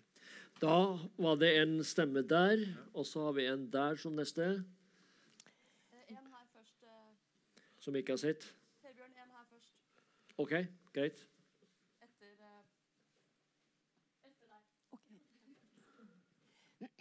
OK. Sånn, ja. Det var snakk om befolkningsutviklingen, og jeg har lyst til å komme med en nyanse. Eh, Det er sagt at eh, toppen kanskje nås når vi er 10 million, milliarder. Eh, Men siden 19, midten av 1960-tallet så har antall barn under fem år vært så å si konstant. Vi har kontroll på befolkningsveksten. Og det syns jeg må være med i den opplysningen. Det er fordi vi lever lenger at vi blir så mange flere nå. Ja, jeg, jeg tenker også at uh, nå er jo demografi eh, egentlig en mer en vanskeligere disiplin enn man ofte skulle tro. Altså, men om vi ender på 10 eller 10,5 milliard, eh, det er klart et eller annet sted i det sjiktet vil det etter alt å dømme flate ut. Så poenget er jo da igjen forbruket og fordelingen av forbruk hos disse 10 eller 10,5. Men altså et viktig poeng er at vi har kontroll på befolkningsveksten i, i verden som helhet. Ja, så det var første poenget mitt. Da la oss håpe det. Skal vi bare la det Er det mer å si til det? Ja, nei, altså, Det kan godt være. La oss håpe det. Og, og jeg, det er klart, Den vil ikke vokse i det uendelige. Det, det kan vi si. Den er ikke underlagt en eksponentiell lov videre. Men, eh, men det er jo igjen forbruket da, og Ja. atferden. Og så alle disse eldre. Ja, og så blir det jo uttrykt en bekymring av folk som ser at i sitt eget land så skjer det en såkalt forgubbing. ikke sant? Det er for få unge. Så veldig mange, Og det viser jo noe for meg noe av nasjonalismens begrensninger ikke sant? når man tenker på disse globale spørsmålene. At man vil gjerne at barn, at kvinner og, og for så vidt menn i ens eget land skal få flere barn. Men ikke de andre. De skal få færre. Altså, tenk på hun der Solberg. Ja, sa ikke det i en nyttårstale for litt siden? Nå må dere pule. ikke sant? Nå må dere få barn eh, i Norge, sånn at det blir flere av oss. Og hun tenkte ikke på somaliske innvandrere. Det var den hvite rase. Og, eh, men russere de, skal, de er det greit, de kan det godt bli færre av. Så jeg er ikke så sikker. jeg. Eh, og det er jo også veldig ujevnt dette er for noen land hvor, de, hvor forutsetningene så å si, for å fø på en stor befolkning er de dårligste. er jo også de stedene hvor befolkningen vokser raskest. Som i Vest-Afrika. Så det er det andre momentet jeg vil ta fram. For nå fremmer vi en pessimisme som er tung å bære. Og det syns jeg vi skal ta inn over oss og erkjenne. Og hvis vi snakker for den befolkningen vi tilhører i Norge, hva vil dere si til unge kvinner som hører oftere og oftere at mitt bidrag til klimatiltak, det er å ikke få barn? Eh, Jeg har selv fire barn, og jeg kjenner at det er noe av det som gjør at jeg er engasjert i den verden vi er en del av. Og ehm, jeg har lyst til å sende dette som en eh, altså, Dette er en viktig del av denne debatten som heller ikke må glemmes.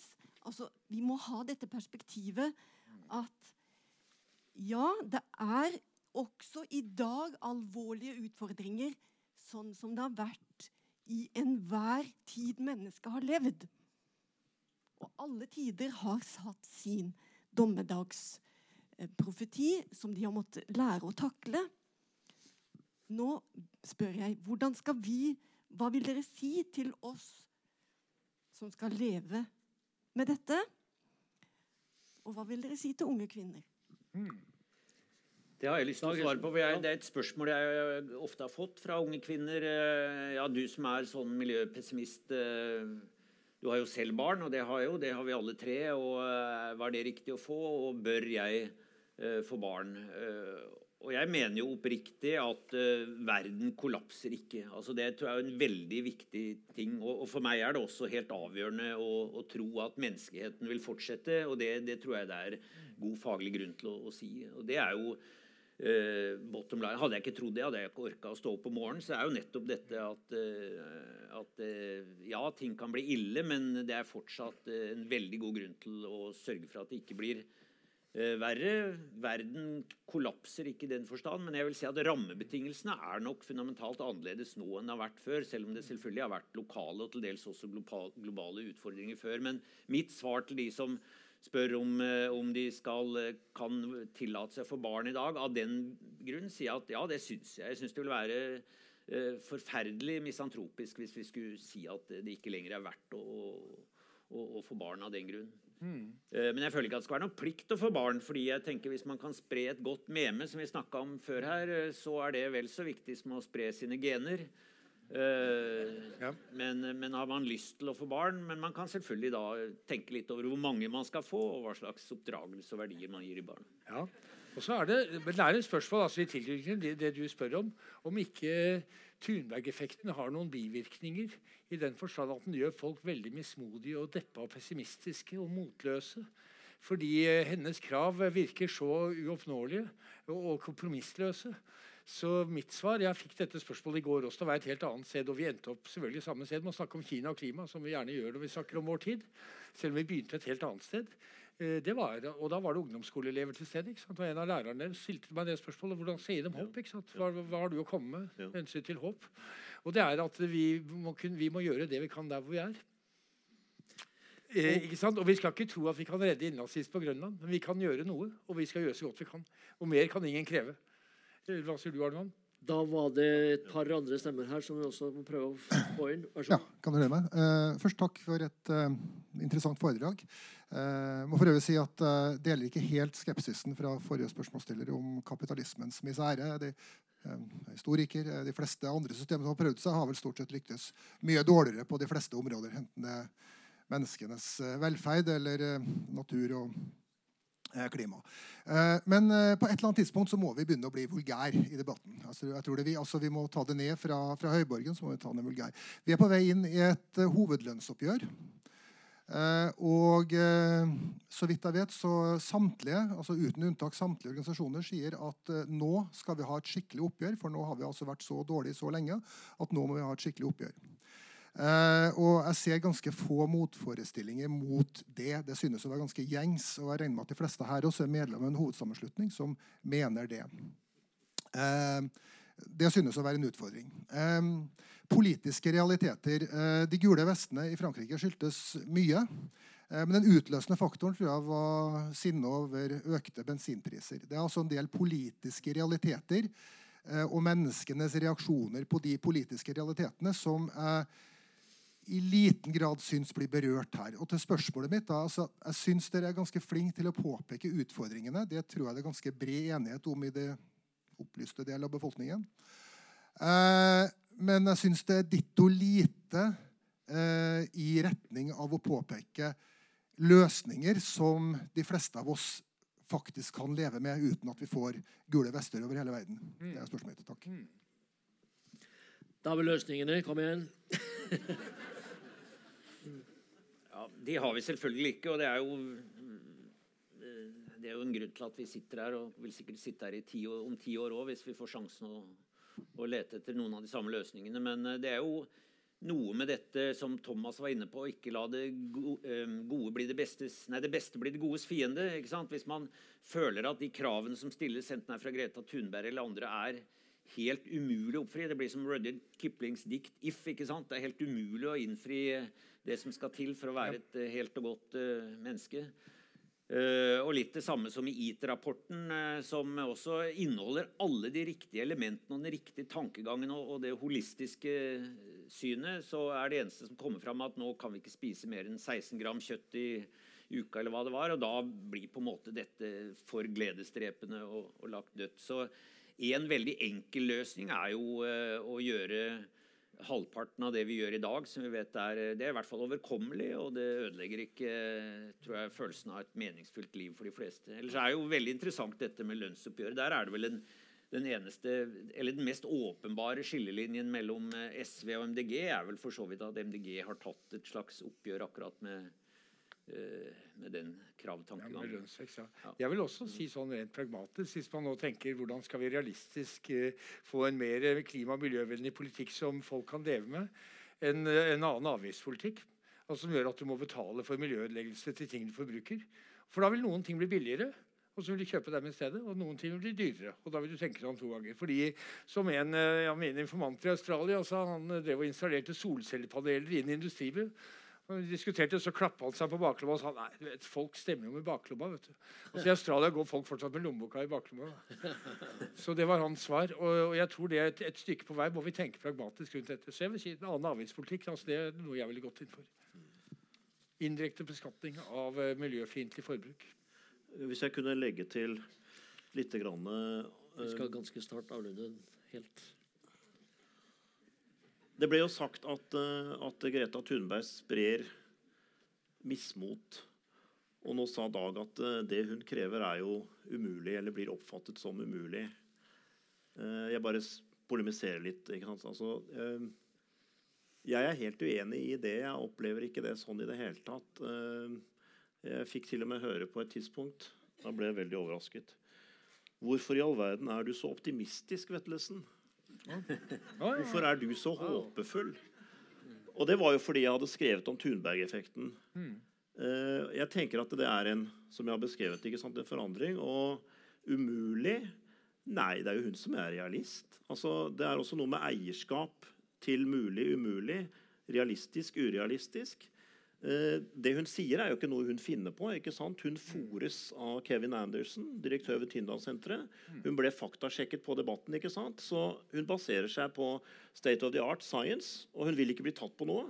Ja, så, så hennes fordringer du kan si på vegne av hennes generasjon over hele verden er jo realistiske i den forstand at det er dette som må til. Og hva er det da som må til? Jo, Det er jo annet det jeg utfordret Jens Stoltenberg på. Det er jo reduksjon av levestandarden i et land som Norge. Så ble det sagt nå selvfølgelig helt korrekt at det er jo ingen av fagforeningene og partene, ikke sant, trepartssamarbeid også, som, som, nå går til forhandlingene med, med, det som krav, så å si. At vi skal ha mindre snarere enn at vi skal ha mer. De vil ha mer, akkurat som før. Så vi, så vi er jo på det sporet. Men eh, jeg tenker at eh, ja, de gule vestene ble nevnt eh, som et svar på at bensinprisene ble foreslått øket av Macron. Eh, ja, eh, det må jo være slik at skal det bli mulig å også vinne oppslutning ved valg i demokratier for reduksjon av levestandard, så er det bare innenfor rekkevidde hvis det er på en rettferdig måte Rolls, ikke sant? spesielt for de som er dårligst stilt fra før av. Så er det jo det at så langt så er dette satt inn i en identitetspolitisk ramme langt på vei, i kulturkrigen og mot eliter osv. Så sånn. Og det kunne man lett skje at måtte skje i et land som Frankrike med Macron og hans måte å gjøre det på. ovenifra og ned. Det, det, kunne man forutse, eh, og det skjedde. ikke sant? Så, så det, det, er en hard nøtt å knekke. Og vi har vært selvfølgelig mye mer ordrike på problemene enn vi har vært på løsningene her, som vi alltid er. Eh, men vi har, vi har, sagt noe om hvilke løsninger vi ikke tror på. og Det er ganske viktig, tror jeg, for det er jo de løsningene som det de facto satses mest på. da. Mm. For eksempel, jeg har ikke sagt så veldig mye om hvorfor vi ikke tror på teknofiksen. men vi har, ikke sant? Så, så, så det er jo også noe med å, å liksom sette innsatsen inn på rett sted. Og det kan bare skje i, i, i forenlighet med at det er eh, rettferdighet. Så, ikke sant? Den politiske filosofen John Rawls han hadde en veldig god innsikt. og det er at Rettferdighet er alle sosiale og politiske systemers dyd. ikke sant? Mm. Akkurat som i erkjennelse og kunnskap så er det sannhet. Og det er, eh, det er trumf, altså. Mm. Ikke sant? Du har ikke sjans hvis du ikke har det med deg hele tiden. Mm. Ja. Mm. Det kunne ha vært siste ord, men jeg, jeg må gi eh, og det siste innlegg, og det er der. Ja, det er Ove Pettersen, nokså ondskapsfullt kalt Nordlands trompet. Eh, jeg vil ta tre punkt som panelet berørte, men jeg syns dere gjorde det på en veldig sånn behagelig og veldig eksotisk og langt borte vekk-måte. Gjelder eh, for det første Kina, som kjøper opp i Afrika, sist i Sør-Afrika. Du kommer jo ikke noe Du kan ikke ta opp for mange Nei, men eh, det, Kina herjer i Norge òg. De eier det urnorske Elkem. Og de har fått konsesjon for å ødelegge Nasafjellet i Rana kommune, i min hjemområde. Og nå prøver de å ekspropriere reindriftsområdene som har vært der i mange hundre år, som driver bærekraftig, og som har med seg FN, både urfolkskonvensjon og menneskerettskonvensjon. Kina herjer i Norge òg. Punkt to Greenpeace. Australia, New Zealand. Hvor langt bort kan vi komme? I, i Nordland er Greenpeace et skjellsord. De prøvde å ødelegge den bærekraftige vågehvalfangsten som vi har hatt i hundrevis av år. Det, det, har de heldigvis slutta med. Og i 20-30, kanskje 40 år så trakasserte de inuittene i Canada for deres hvalfangst og naturalhusholdning. Det har de faktisk nå for et par år siden litt tamt bedt om unnskyldning for, men de har ødelagt djevelsk mye på de 30-40 årene. Så selv om jeg har vært medlem i Naturvernforbundet mer enn 50 år, så Greenpeace, Greenpeace tar ikke i med ildtang. Og tredje, så kort det kan, dere snakker om urfolk uten noen som helst definisjon eller lokalisasjon. Og da har vi et urfolk som juridisk finnes i Norge, det er samer. Og nordmenn flest tror at det innebærer et krav om at de kom først det er totalt meningsløst å si om det var nordmenn eller samer som var her for mer enn ti år siden og sette nasjonale etniske etiketter på 10 000 år gamle døde folk. Det er et håpløst prosjekt. Men samene er anerkjent som urfolk i Norge juridisk fordi Norge har undertegna ILO-konvensjon nummer 169. Og da er urfolk definert som folkegrupper som hadde organiserte og velfungerende samfunn i de territoriene som nasjonalstatene senere invaderte og etablerte seg. Og Derfor er samer urfolk i Norge, Sverige og Finland. For de var der før vi hadde Norge-Danmark og Sverige-Finland. Begge var hver sin stat. da. Ok, takk. Da utpeker jeg Thomas til å ta Nei, jeg skal bare si litt. Altså, alle, må- alle må slippe til. Eh, alle må slippe til. Jeg skal bare si litt, ja. og Når det gjelder urfolk, så er det klart eh, kunne godt ha definert altså En enkel definisjon på urfolk det er jo for så vidt det du sa. altså Det er en eh, statsløs folkegruppe som er assosiert med en ikke-industriell produksjonsmåte. Eh, og som da blir eh, mot sin vilje innlemmet i eh, stater og tvunget til å bli statsborgere. Eh? Og det kan få eh, forskjellige ulike utslag. Det kan få mange utslag, utslag. Samene er jo noen av de som har klart seg best. Fordi de har klart å finne en måte å balansere det å være statsborgere med å være urfolk. Så når det gjelder, eh, når det gjelder Greenpeace altså, ja, altså Som jeg sa, Greenpeace er ikke særlig populære i Norge pga. hvalfangsten. Men de er veldig populære i nesten hele resten av verden. Det må vi ikke glemme. Og en mektig miljøorganisasjon som driver med veldig mye mer enn hvaler. Da har vi iallfall fått dekket eh, eh, Er det noen flere her? Dere må Ja, nei, jeg syns du eh, Du er kapasiteten. Jeg tror faktisk at nå tar jeg min Ja, når det gjelder Kina, jeg, jeg har lyst til å si en, en ting. fordi det illustrerer mange av de tingene vi har vært inne på her. Miljøødeleggelser, imperialisme, ulikhet. altså Noen av de store spørsmålene. Jeg skal bare fortelle en bitte liten historie. Det tar to minutter. Det er en, det er en eh, elv i sørvest i Etiopia som heter Omoelven. Den går gjennom Omodalen. Der skal det bygges et gigantisk vannkraftverk som selvfølgelig er utenlandsk finansiert. Og det er denne typen eh, prosjekter som bidrar til at det tilsynelatende er høy økonomisk vekst i et land som Etiopia. Som jo er et land altså, hvor det er sånn at til og med brannslukkingsapparatet på hotellrommet der er det bare skrift på kinesisk. Altså, det er et sånt land. Uh, uten at uh, resten av verden har merket det, så er Afrika gradvis i ferd med å bli veldig sinifisert da, på en del områder. På godt og vondt. Afrikanere, mange afrikanere syns det egentlig er bedre enn europeerne. Fordi de legger seg ikke så opp i interne forhold som europeerne drev med. Så de opplever dette som en mer hyggelig form for imperialisme i, i noen grad. Eh, Men i Omodalen levde da folkeslag som drev med jakt, fiske, de hadde litt kvegdrift. De hadde veldig lavt karbonutslipp, CO2-utslipp. De var veldig bærekraftige og hadde levd der i hundrevis av år. De blir fordrevet, de blir skjøvet bort gjennom det som i faglitteraturen kalles landgrabbing. Fordi plutselig skulle bygges vannkraftverk. Det ble mindre fisk, de, de kunne ikke være der, det ble bygget opp gjerder. Poenget er det at dette vannkraftverket det skulle da produsere strøm til Etiopia. Og hvem er det som har strøm i Etiopia? Jo, det er folk i byene. Sånn at eh, Dekningen av strøm på landsbygda i Etiopia er under 10% Og tror du at noen av de som bor i nærheten i skyggen av dette vannkraftverket, og som får hele sitt livsgrunnlag ødelagt av dem, noensinne kommer til å se en lyspære i sitt eget hus? Never. Kommer ikke til å skje. It's not going to happen. Så dette er også en, en, en, bare en liten historie om at vi må se tingene i sammenheng. Ulikhet, globalisering, klima, miljø, eh, folkeslag som blir presset ut eh, eh, av, av sin, naturlige, eller sin opprinnelige livsform. At vi må se disse tingene i sammenheng. Og det er mer enn nok å være engasjert for. At det er gode grunner til å fortsette engasjementet. Der fikk vi punchline, altså. Vi,